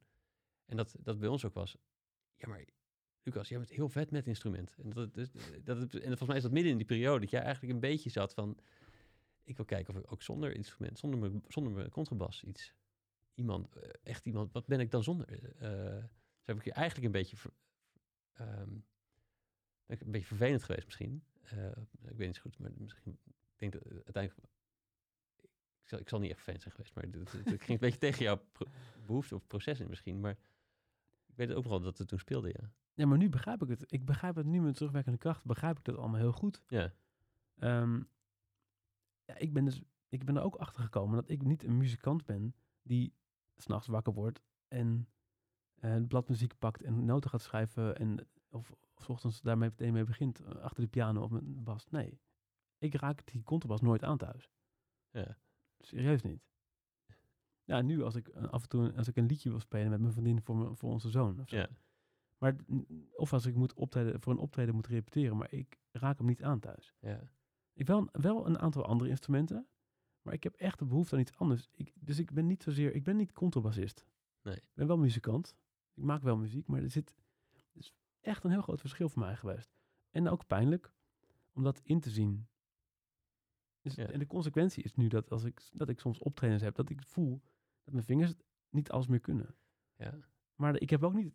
De, de, de conclusie voor mij is dan ook niet om meer te gaan studeren. Dus het is, ik accepteer dus dat ik gewoon Ja, ja, ja. eh, roestiger ben, Ja. Maar wel meer vanuit de kern. Ja. Dus wat ik doe is wel echt. En niet. ehm, ik, ik heb heel vaak muziek dingen gedaan die niet zo echt waren. Ja.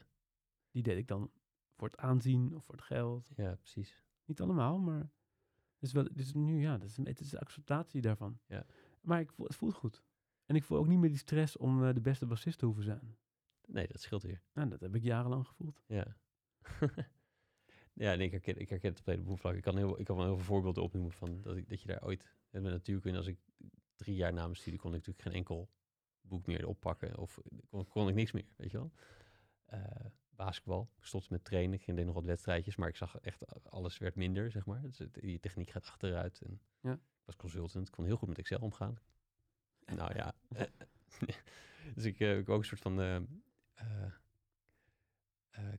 carrière-suïcide elke vijf jaar dat ik weer iets anders doe, zeg maar. En dan eh, ga ik weer een ander pad op, omdat het eigenlijk veel beter voelt en veel intuïtiever, of zeg je dat, veel, veel meer is waar je dan daardoor op dat moment door geprikkeld wordt. Ja. Ehm, maar terug, ja, je durft dat omdat je denkt, nou, ik kan altijd terug, maar op een gegeven moment denk je, je kan niet meer terug, want het- ik, ben, ik ben niet meer dat, op dat niveau. Ja. Dat. Nou ja, ik ben dus, ik ben dus wel eens... eh, ik, ik kom echt uit de jazzwereld, hè. En ik speelde echt veel met allerlei eh, jazzmuzikanten en, en, en ook wel echt bekende jazzmuzikanten. En ja, dat is echt zo'n andere, anders dan wat ik nu doe. ja. Maar ik heb dus wel eens gehad de laatste jaren dat ik wel eens, eens een jazzliedje speelde met iemand. En dat ging dan eigenlijk best wel goed. Dat ik mezelf, dat ik eigenlijk vooraf naar mezelf keek. Van, Ja. nee, dat doe je eigenlijk best wel goed. en dat, dat zijn eigenlijk dingen die ik vroeger nooit kon zeggen tegen mezelf. ja. Dat doe je best wel goed. Ja, ja, Zo- precies. zo- vroeger was zo- je altijd niet, niet de beste. Dan ging je ja, ik was vergelijken met de zo- allerbeste. het was- zo kritisch. Mm. Dus ik vraag me af, als ik nu weer zoveel tijd erin zou steken, word ik misschien word ik wel net zo goed weer en, en veel eh, liever, voor, liever voor mezelf. Volgens mij is het sowieso leuker nu spelen. Als je eh, meer voor de lol. Ja. Ja, maar dus- ik denk dus ook liever voor mezelf. Ik Ja, ben ja. niet meer zo kritisch, dus ik, kan, ik heb geen nachtenlang eh, wakker liggen meer van een foute noot of zo. Ik kon er vroeger echt heel depressief van zijn, Ja, van dingen die niet goed liepen. En dat is natuurlijk ook, een, dat, is, dat was, dat is pijnlijk om, om te zien of om te ervaren. Het is ook, ook een motivatie om heel goed te worden. Ja. Die, maar dan wel vanuit frustratie altijd. En dat is, dat is, zou nooit mensen meer willen leren vanuit frustratie. Ja. Ik heb ook drie jaar op conservatorium les gegeven in Amsterdam. En dat doe ik dan wel op, op een manier waarop ik zelf les zou willen hebben gehad. Ja, ja, ja. En dat vind ik dan wel grappige dingen. Dan, ik had bijvoorbeeld op een gegeven moment één leerling en die had een liedje ingestudeerd. En toen dacht ik, ja, het swingt niet helemaal. Het, is, het, het groove niet. Dus moet ik nou zeggen, het groove niet of wat moet ik iets anders doen? Toen zei ik, nou, doe het nog één keer, maar dan ga ik voor je staan en dan moet je mij aan het dansen maken. en toen zat hij me echt aan te kijken van, wat, fuck, wat is dit dan? Ja. en, maar dat ging je dus doen. Hij moest er heel lang over nadenken, toen ging je het doen. En toen werkte het ook. Ja, vet. Dus ik zei niet, het ging niet over dat hij niet ritmisch was of niet groove, maar laat mij maar dansen. Ja. En, en dan is, wat er namelijk gebeurt, is ik zeg iets, maar het, hij, ik creëer ook een context voor hem, namelijk dat, hij, dat ik er ga dansen op zijn muziek. Ja.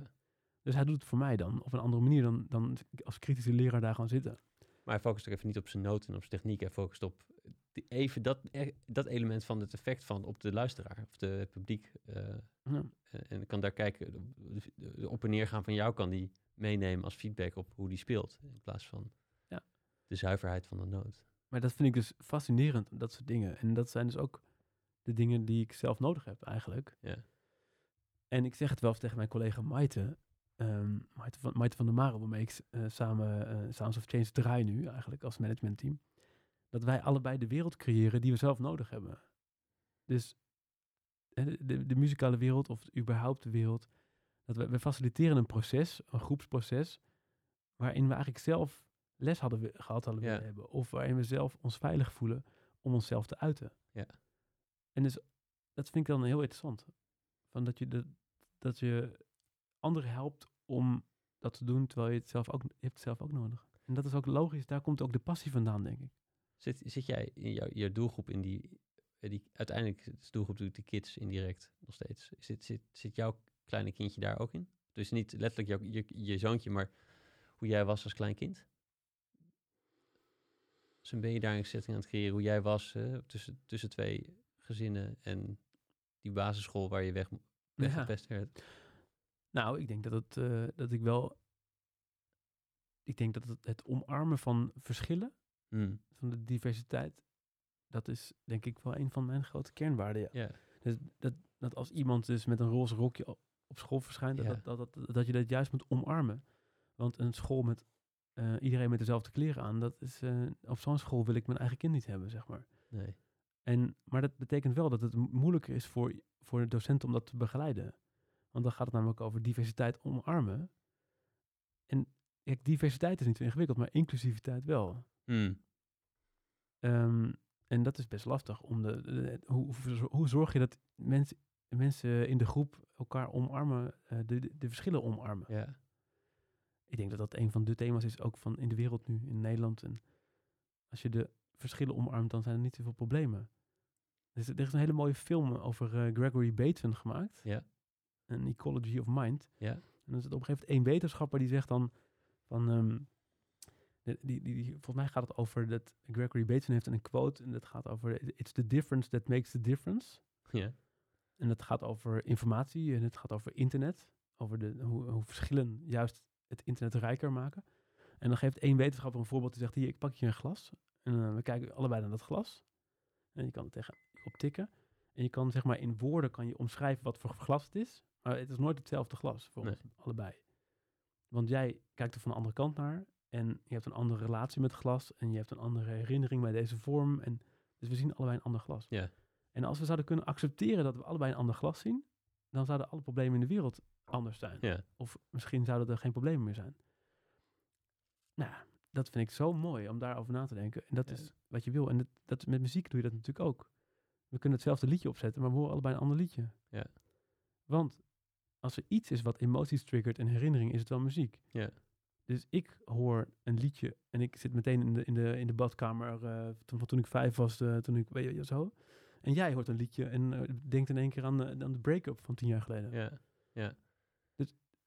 dat, is- dat vind ik zo mooi daarvan. En dat kunnen omarmen, dat is... maar het is zo moeilijk voor mensen om dat soort dingen te kunnen te accepteren. Blijkbaar. Ja, waar zit hem dat in? Dat, dat verschillen iets zijn die, die niet geaccepteerd moeten worden of die spannend zijn. Dat, ja, verschillen dat het spannend zijn. Het is, het is iets angstigs. Het, ik denk dat het gaat over, eh, over het, begri- eh, het grip hebben op, het, op de wereld. Mhm. Dat als alles anders zou kunnen zijn, dan begrijp je het dus niet meer. Dus Ja. als iets anders is voor jou dan voor mij, dan wordt alles heel complex. Wat heeft jou geholpen om, om dat wel... Is dat, al- als, al- dat alles... Het is, het, is, het is volgens mij inderdaad waar. Als, als alles altijd anders kan zijn... en de wereld wordt overspoeld door anders... en je hebt geen grip meer op de wereld... dat is, dat is heel... Dat is voor sommigen... Is dat, is dat leuk? Is dat... Yes, variatie. Iedere Ja. dag iets nieuws. En voor sommigen is dat doodseng. En, en waarom is het voor jou... Is dat voor jou leuk? Nou ja, eh, ik- ik, denk dat, dat, dat dat is volgens mij is dat dus de kracht en de zwakte van vooroordelen. Mhm. Eh, want we, als alles namelijk alles kan zijn, anders kan zijn, dan word je helemaal gek. Dus moeten we op een gegeven moment zeggen, dit is gewoon een glas en dan is het klaar. Ja, ja. Ehm, en bij, ga je bij bepaalde dingen ga je kijken, oké, maar hier zitten allemaal verschillen in. Dit is een tafel, maar je gaat niet kijken naar alle nerven. Maar bij sommige dingen ga je wel naar detail- details kijken. En iedereen kiest voor zichzelf wat voor details hij belangrijk vindt. Ja. En ehm vind ik het fascinerend dat soms mensen binnen het autistisch spectrum dan hele andere details eruit kiezen dan, dan, dan anderen. ja. Maar sommige mensen zitten op, zitten op taal, andere mensen zitten op eh, natuur of op muziek. Of... En ik denk dat in muziek voor mij is muziek is verandering. Ja. Het is het, eh, iets, iets wat, wat je niet ziet aankomen, iets spannends. Ja, ik vind dat leuk. Ja. Maar daar, daar ben ik ook op getraind. Dat is iets wat ik... Ik heb dat zo vaak meegemaakt. Het, het, eh, het, het verrassende effect. Maar dat was voor mij natuurlijk ook aan het begin spannend en eng. Ja. En nog steeds heb ik... Bij bepaalde dingen vind ik het ook niet leuk om verrast te worden. Dus in de muziek vind ik het leuk om verrast te worden. En in een gesprek. Ja. Maar eh, een heleboel andere dingen niet hoor. En ik wil, als ik aankom rijden met mijn auto met mijn kind op de achterbank, ja. dan wil ik niet dat iemand van rechts in één keer komt aanscheuren. Dat- Dat vind ik eng. Verrassende verkeersregels zijn best vervelend. Verrassende Ja. verkeersregels zijn heel vervelend. Dus, nou ja, en dat, en dat is dan opgelegd nog. Maar je hebt ook wel andere dingen die ik niet wil. Ik wil niet verrast worden door bepaalde dingen. Ja. Dus ik kies, je kiest ervoor, ik kan even geen voorbeeld noemen geloof ik, voor iets waar ik niet in verrast wil worden. Maar nou, met sporten misschien wel. Ik vind het bijvoorbeeld met, met voetbal, ik hou niet zo van groepsport. Omdat ik dat ergens, ik vind het dus heel lastig, dat ik, ik wil de sport graag onder controle hebben. Dus ik vind het lekker om, om hard te lopen, want ik dan weet, ik bepaal zelf hoe mijn rondje is en waar ik weer eindig en welke dingen ik tegenkom. Dat vind ik fijn. Ja.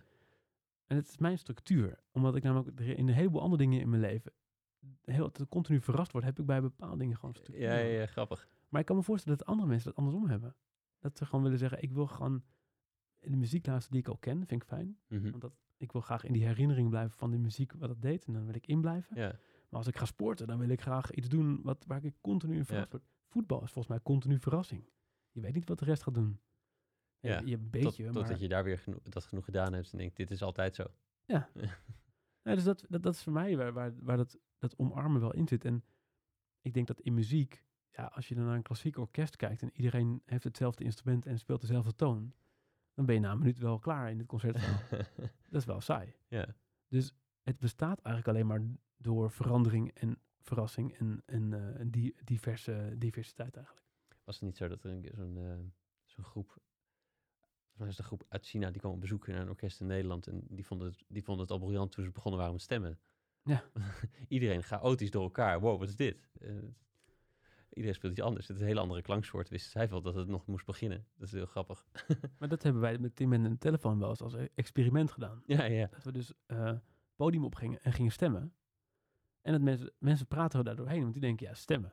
Maar wij gingen dus net zo lang stemmen tot... En op een gegeven moment ging het over in spelen. Maar dan dus kijken van hoe lang gaan mensen nog doorpraten. Dus er was geen officieel begin.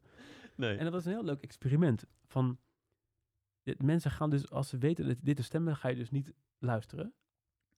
Dat ja, is weer zo'n voordeel. Het is getriggerd. Oh, oh ja, de stemmen, dan hoef ik nog niet te luisteren. Dat- Ja, dus, oh, of maar, ja, dat is heel grappig. Dus, en dan gingen wij dus filmen eh, en dan achteraf bekijken wanneer mensen dan eh, stil werden. Ja. maar ik vind dat soort dingen echt fascinerend, want het na het vooroordeel. Ja. En waarom, eh, als het in de concertzaal is, eh, wordt het, is het dan serieuzer dan niet? Ja. Of zo. Ja. Als dan staand op straat. Even met het risico dat we het, het omgekeerde van wat je net beschrijft over het stemmen en geen officieel begin hebben, dat we dat doen met deze aflevering. Ehm, zodat dit gewoon eindeloos doorgaat en dat de mensen maar een keertje moeten afhaken, zeg maar. dat we gewoon uploaden tien uur lang. Ehm, ik heb nog een paar dingetjes. Ik ben, ik ben, ik ben, ik ben, je noemde net Gregory Bateson. Dat is volgens mij één inspiratiebron van je. Ik ben gewoon Ja. benieuwd, zijn er andere, andere inspiratiebronnen? Andere films, andere boeken, andere dingen die jou geraakt hebben in je ontwikkeling? Of de mensen die je zou aanraden? Mm. Nou, sowieso Gregory Bateson niet, niet vaak genoeg benoemen. ja. Nee, vooral ook zijn, zijn dochter, Nora Bateson, die een, ehm, het gedachtegoed van haar vader doorzet. Fantastisch. Heel interessant. Ehm, ja, er, zijn, er is zoveel. Er is op muzikaal gebied. Maar ehm, ik eh, vind het interessant. Ik ben nu het boek aan het lezen van Hans Rusling, eh, Feitenkennis. Is Voor Feitenkennis of feit en Feit, feiten, Ja. feit en kennis. Feitenkennis. kennis. Ja, ik weet niet, ik, ik, weet, ik ken hem niet, dus ik moest even... Nee, feitenkennis. Eh, ja. Die, oh, die, Zwe is die Zweedse eh stat, statisti- statistici... Zo. Die Zweed. Die zweet, ja. Hij zweet, ja. Sorry. Ehm, ja, hij is de oprichter van eh Artsen zonder Grenzen Zweden. Maar hij is ook hij is arts en inderdaad data-analyst en degenslikker. Nou, dat is een van de leukste dingen. Dat, als je het boeken leest, eh Feit en Kennis, dan vertelt hij over dat hij dus... Zijn droom was eigenlijk in het circus... ehm, in het circus, degenslikker zijn in het circus. En toen ging hij zijn, zijn eh, medicijnenopleiding doen. En toen heeft hij als experiment tijdens de opleiding heeft, is hij zichzelf gaan leren om een degen in te slikken. En zij heeft dus een TED-talk, opent hij ook, of eindigt hij ermee, geloof ik. Wauw. Moet je maar eens kijken. Dat is, ehm, Het is wel grappig dat dit weer zo iemand is met zulke diverse, net zo Ja. dus ook wel diverse passies als jij had. Ja, daarom, daarom sprak ik het me ook wel aan. Ja. Maar goed, zijn boek gaat over, ehm, over eh, dat, eh, dat we een verkeerd, over het algemeen een verkeerd wereldbeeld hebben. Een wereldbeeld wat is blijven hangen bij 1965. En waarom dat verkeerde wereldbeeld er nu voor zorgt dat we hele rare keuzes maken om iets te doen voor de wereld. En hij heeft, om dat te illustreren, heeft hij 13 vragen eh, vormgegeven. En die 13 vragen heeft hij aan 10.000 mensen gesteld met zijn, eh, met zijn team. Ja. En, en die vragen gaan over eh, eh, hoe, hoe- welk percentage van de kinderen van één over de wereld is ge- ingeënt. 20, 40 of 80 procent. Nou, het blijkt dus 80 procent te zijn. Nou, dat, en hij zei dus dat dus 7 procent van de mensen dit goed heeft. Wauw, ja. En hij heeft, hij heeft een aantal, aantal van die vragen, dus ook over, ehm, eh, eh, over de, ehm, eh, de leeftijdsverwachtingen wereldwijd. En over Ja, eh, armoede. En over, nou goed, of armoede is toegenomen in de afgelopen twintig jaar. Of juist hetzelfde is gebleven of minder is geworden. Nou, dat, is, dat is de vraag. Ja. Heeft hij aan 10.000 mensen gesteld, inclusief de VN-top. Ja, En het blijkt dus dat is eigenlijk eh maar geloof ik 13 eh, al- volgens mij heeft 1% heeft alle vragen goed van al die mensen. En hij claimt dus dat een aap die een random antwoord geeft, beter scoort dan wij met onze vooroordelen. ja, En dat vind ik heel interessant. Want hij zegt dus, het gaat eigenlijk veel beter met de wereld dan we allemaal denken. Alleen, en als we dat weten, dan kunnen we ook andere keuzes maken. Ja. En hij zegt, er gaan een heleboel dingen fantastisch. ehm, op milieugebied, op mensenrechtengebied, op ehm, ehm, eh, gezon- gezondheid. Maar er gaan ook een aantal dingen heel erg slecht. En daar moeten we op focussen. En een van die dingen is global warming bijvoorbeeld ja, klimaatverandering. Ja. En, eh, maar ook een heleboel, en het is echt niet gezegd dat in alle landen het perfect is, hè? maar het gaat wel over dat de mensen die jou dat beeld willen, he- eh, eh, wi- willen ehm, tonen, die hebben daar een belang bij. Ja. Dus die willen graag geld van je als NGO, of die willen graag, eh, het gaat het over wij en zij, en het gaat over politieke structuren. En zo. ja. Super interessant boek. Nou goed, eh, Ja? dan heb ik nog tien boeken, daar ga ik ook zo lang over kletsen. Nee, ehm, Hans Rusting vind ik interessant. Ehm, ja, ik ben gefascineerd door, de, door die boeken van eh, Sapiens nu. Ja. Die, die Harari. Noval Harari. Harari. Ehm, ja, ik weet, ik weet niet zo goed. Ja, dit is van, van alles. We hebben er wat. Mooi. Dan kunnen we aan de bak. Nee, maar ik bedoel, ja, ik bedoel, eh, het gaat, om, het gaat om, om zoveel vlakken. Ik vind ook de dingen die we, waar, die we benoemd hebben, zo'n zo'n band als Timman en de telefoon, vind, ik vind dat heel interessant. Dat zou ik echt iedereen willen aanraden om eens naar te kijken, omdat het namelijk op allerlei verschillende niveaus raakt aan, aan dingen die, ja, op emotioneel vlak aan dingen die je irriteert. Is dit nog wel muziek of Ja. kan dit wel? En eh, eh, mag een band wel politieke voorkeur hebben? En dat, super, er gebeurt gewoon heel veel. Ja, ja, zeker. En ik vind dat interessant dat als bands dat kunnen doen. Ja. En natuurlijk vind ik het ook lekker om muziek te luisteren die, waarbij je niet zoveel getriggerd wordt. Maar dit is wel, eh, ik vind dit wel van meer waarde in deze tijd van de Ja. samenleving. Ehm, we gaan een beetje naar de afronding. Ik, ik ben, ik ben ehm, even gewoon nog benieuwd. Sounds of Change, hoe ziet dat er over vijf jaar uit? Dus wat is, wat is, waar, waar mikken jullie nou op? Wat, wat hebben jullie te doen? Ehm, nou, we zijn natuurlijk sinds maart behoorlijk, eh, eh, ja. We hebben een aantal dingen in de koelkast moeten zetten. Ja. We hebben eerst twee maanden heel erg op een laag pitje gewerkt. Toen kwamen er op een gegeven moment allemaal hulpvragen van onze trainees in het Midden-Oosten van, eh, ja, we zitten al best wel in is- isolatie in een vluchtelingenkamp. En, Ja. en nu moeten we ook nog eens in huis blijven de hele tijd. Dus kunnen we niet iets doen. Ja. En toen zijn we toch begonnen met online training en dat werkt wel. En het werkt zelfs zo goed dat wij denk ik ook niet meer helemaal teruggaan naar de oude vorm. Ja, van, op, van ja, op en neer vliegen. ja, Maar die mist ook wel een heleboel dingen. Dus het wordt een combinatie. Dus ik denk dat we over vijf jaar meer een, een betere balans hebben tussen fysieke en online trainingen. En door deze hele eh, COVID-periode zijn we een, hebben we het plan gevat om een academy te starten in Nederland. Ja. En die gaan we in februari starten. nice. Dus we hebben dan een opleiding van een half jaar die dan over vijf jaar hopelijk eh, eh, goed gestroomlijnd is. een, een opleiding tot? Community, community builders noemen we het. Eh, voor daar. voor hier en voor daar. Hier en daar. Dus in principe we- gaan we nu mensen opleiden. We gaan nu acht muzikanten opleiden in Nederland. Die, kunnen, die gaan werken op AZC's en in probleemwijken, maar ook op, op een school werken of voor andere NGO's. Maar er zit ook bijvoorbeeld één jongen in die opleiding, die komt uit Syrië en die wil graag een muziekschool starten in Syrië. Ja. Dus het is ook voor, ook voor andere plekken, ook buiten Nederland. Maar het is, de opleiding is in Nederland. Ja. Dus in, oh, in het traject gaat het over de Nederlandse samenleving. Nou ja, over vijf jaar gaat die opleiding moet, eh, goed draaien. Vet. En moet ook zijn eigen financiële stromingen weer hebben. En het idee is wel dat de, de studenten ook net als bij Nomad zelf ook weer actief eh, gaan werken in het bedrijfsleven. Om op die manier een, een- het eigen programma weer een Ja. beetje in, eh, te, te laten rollen.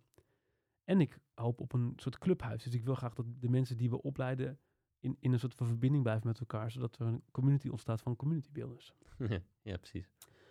Dus eigenlijk steeds meer. De, ik denk dat er gewoon dat er een, over vijf jaar een veel grotere groep aan community builders is.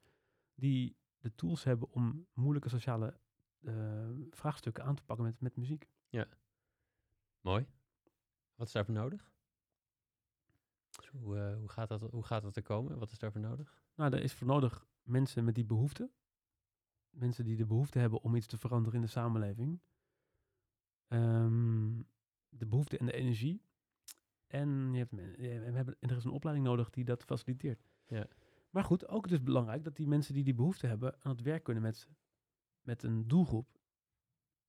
Dus er- er er moet een soort van. ehm, je kan wel mensen opleiden, maar als, maar als, die niet, als je niet ook werkt aan waar zij aan de slag kunnen. Het, ehm, het creëren van mogelijkheden. Dan, Ja. eh, dan gebeurt er niks. Nee. Dus, dit, dus het, gaat, het gaat om een soort awareness. Dus een beetje datzelfde. Practice what you preach and preach what you practice. ja, ja. Dus je bent een academy aan het opleiden voor community builders. Maar tegelijkertijd vertel je ook dat je dat aan het doen bent. Zodat de plekken waar zij kunnen gaan werken, dat die ook weten dat die mensen daar aankomen. Ja. Zoiets. Ja, ja, ja. ja. Hey, en mensen die, ehm, die jou in de missie willen helpen, wat, hoe kunnen ze instappen? Hoe kunnen zij... Is er nog plek in het orkest? En is er... eh, Ja, ja er, is, er, is, is- er is plek in het orkest. Dan kan je lid worden vanaf 6 euro per maand. Ja. En dan krijg je dus één keer per jaar op onze verjaardag. Een, eh, we zijn op Valentijnsdag jarig. natuurlijk. We hebben een, een feestje voor, alleen voor die mensen. Ja.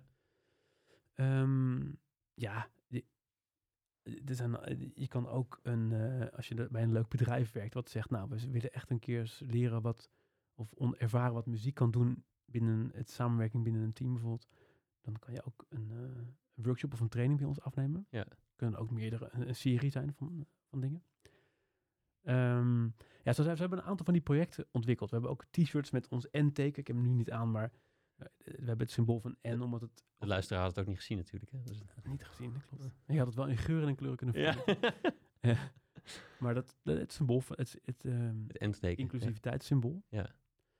We hebben ook een ander product, dat is ook leuk voor DJ's en producers. We hebben een software ontwikkeld met geluiden uit het Midden-Oosten.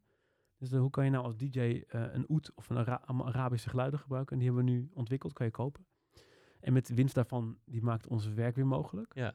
Dus in die zin zijn we toch ook wel echt een onderneming. Dat we gewoon producten eh, ontwikkelen waarmee Ja. we waarde creëren op verschillende vet. vlakken. Mooi.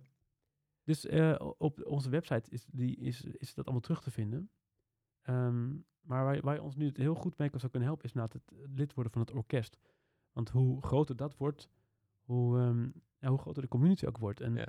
en wij, ja, we zijn ook echt verhalenvertellers. Dus er komt dan elke maand een nieuwsbrief uit. En dan ga je je toch echt wel voeden wat we doen. Want die, ik kan er nu een uur over kletsen, maar Nee, die nieuwsbrief kan ik zeker aanraden. maar de, de, de nuances van de verhalen die we elke maand ver- vertellen in de nieuwsbrief, daar gaat het over. En dat, Ja. dat zijn echt toch nog meer de verhalen van de mensen waarmee we werken.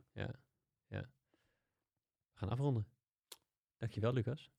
Dankjewel dat je in een drukke net-papa-tijd hierheen wilde komen. Ik, vind, eh, ik, ik ben heel blij dat je, dat je langskwam. We hebben, we bijna twee uur lopen, lopen lullen. Ehm, en ik, vind, eh, ik, ben, ik ben blij omdat ik, ik het leuk vind, maar ook blij omdat je, dat je eh, mooi mens vindt en mooi werk doet. Ehm, dat, ik, dat ik dat een, jaren geleden al overal zag, was als jij erbij was, dan was er, eh, waren misschien niet de details allemaal goed geregeld, maar er was, er was er altijd gelijk diepgang en, en, en dat het gelijk raak was. Je bent bij de groep en het is raak. Dat, is heel knap. Ehm, dus, eh, jouw ogen stralen dat gelijk uit en dat, Mm. eh, dat eh, zit, zit gelijk spot on. Dus dat, die ogen kunnen we niet over de audio meebrengen, maar dankjewel dat je hier bent. En ik hoop dat mensen er... eh, Dankjewel. Wat een, wat een mooie, eh, mooie conclusie schrijf je. Of Ik- schrijf je, vertel je. En, eh, wa- wat, wat ik ook mooi... dit is een wisselwerking, hè? Het is net als die leraar die iets vertelt. en, en als de ander niks leert, dan is er geen leerproces. Maar het is natuurlijk ook zo dat, dat als je een verhaal vertelt en de ander hoort het en hoort het echt, dan, Mm. dan, dan, dan, is, er ook, dan is er echt een, een uitwisseling. En dat heb je natuurlijk ook. De, je hoort wel die, de, wat ik wil zeggen en eh, kan op de juiste momenten herhalen en, en teruggeven en, Mm. en een eigen inbreng geven. Dat is, het Als een bestaat luisteraar- niet zonder het ander. Ja, precies. Ik, zal, ik moet even overwegen of ik dit voor de luisteraar erin wil, eh, in, in ga laten. Dat niet, dat hoeft niet. Dankjewel, Luc. Dank je. Ehm, wil jij het rode knop drukken? Dan Ja, gaan we afronden. Dan gaan we een drankje doen. Moet je- wil je nog één ding checken? Moeten we checken. Of er nog, eh, zijn, er, zijn er nog gekke dingen waarvan jij zegt, is dat, dat echt te lang of...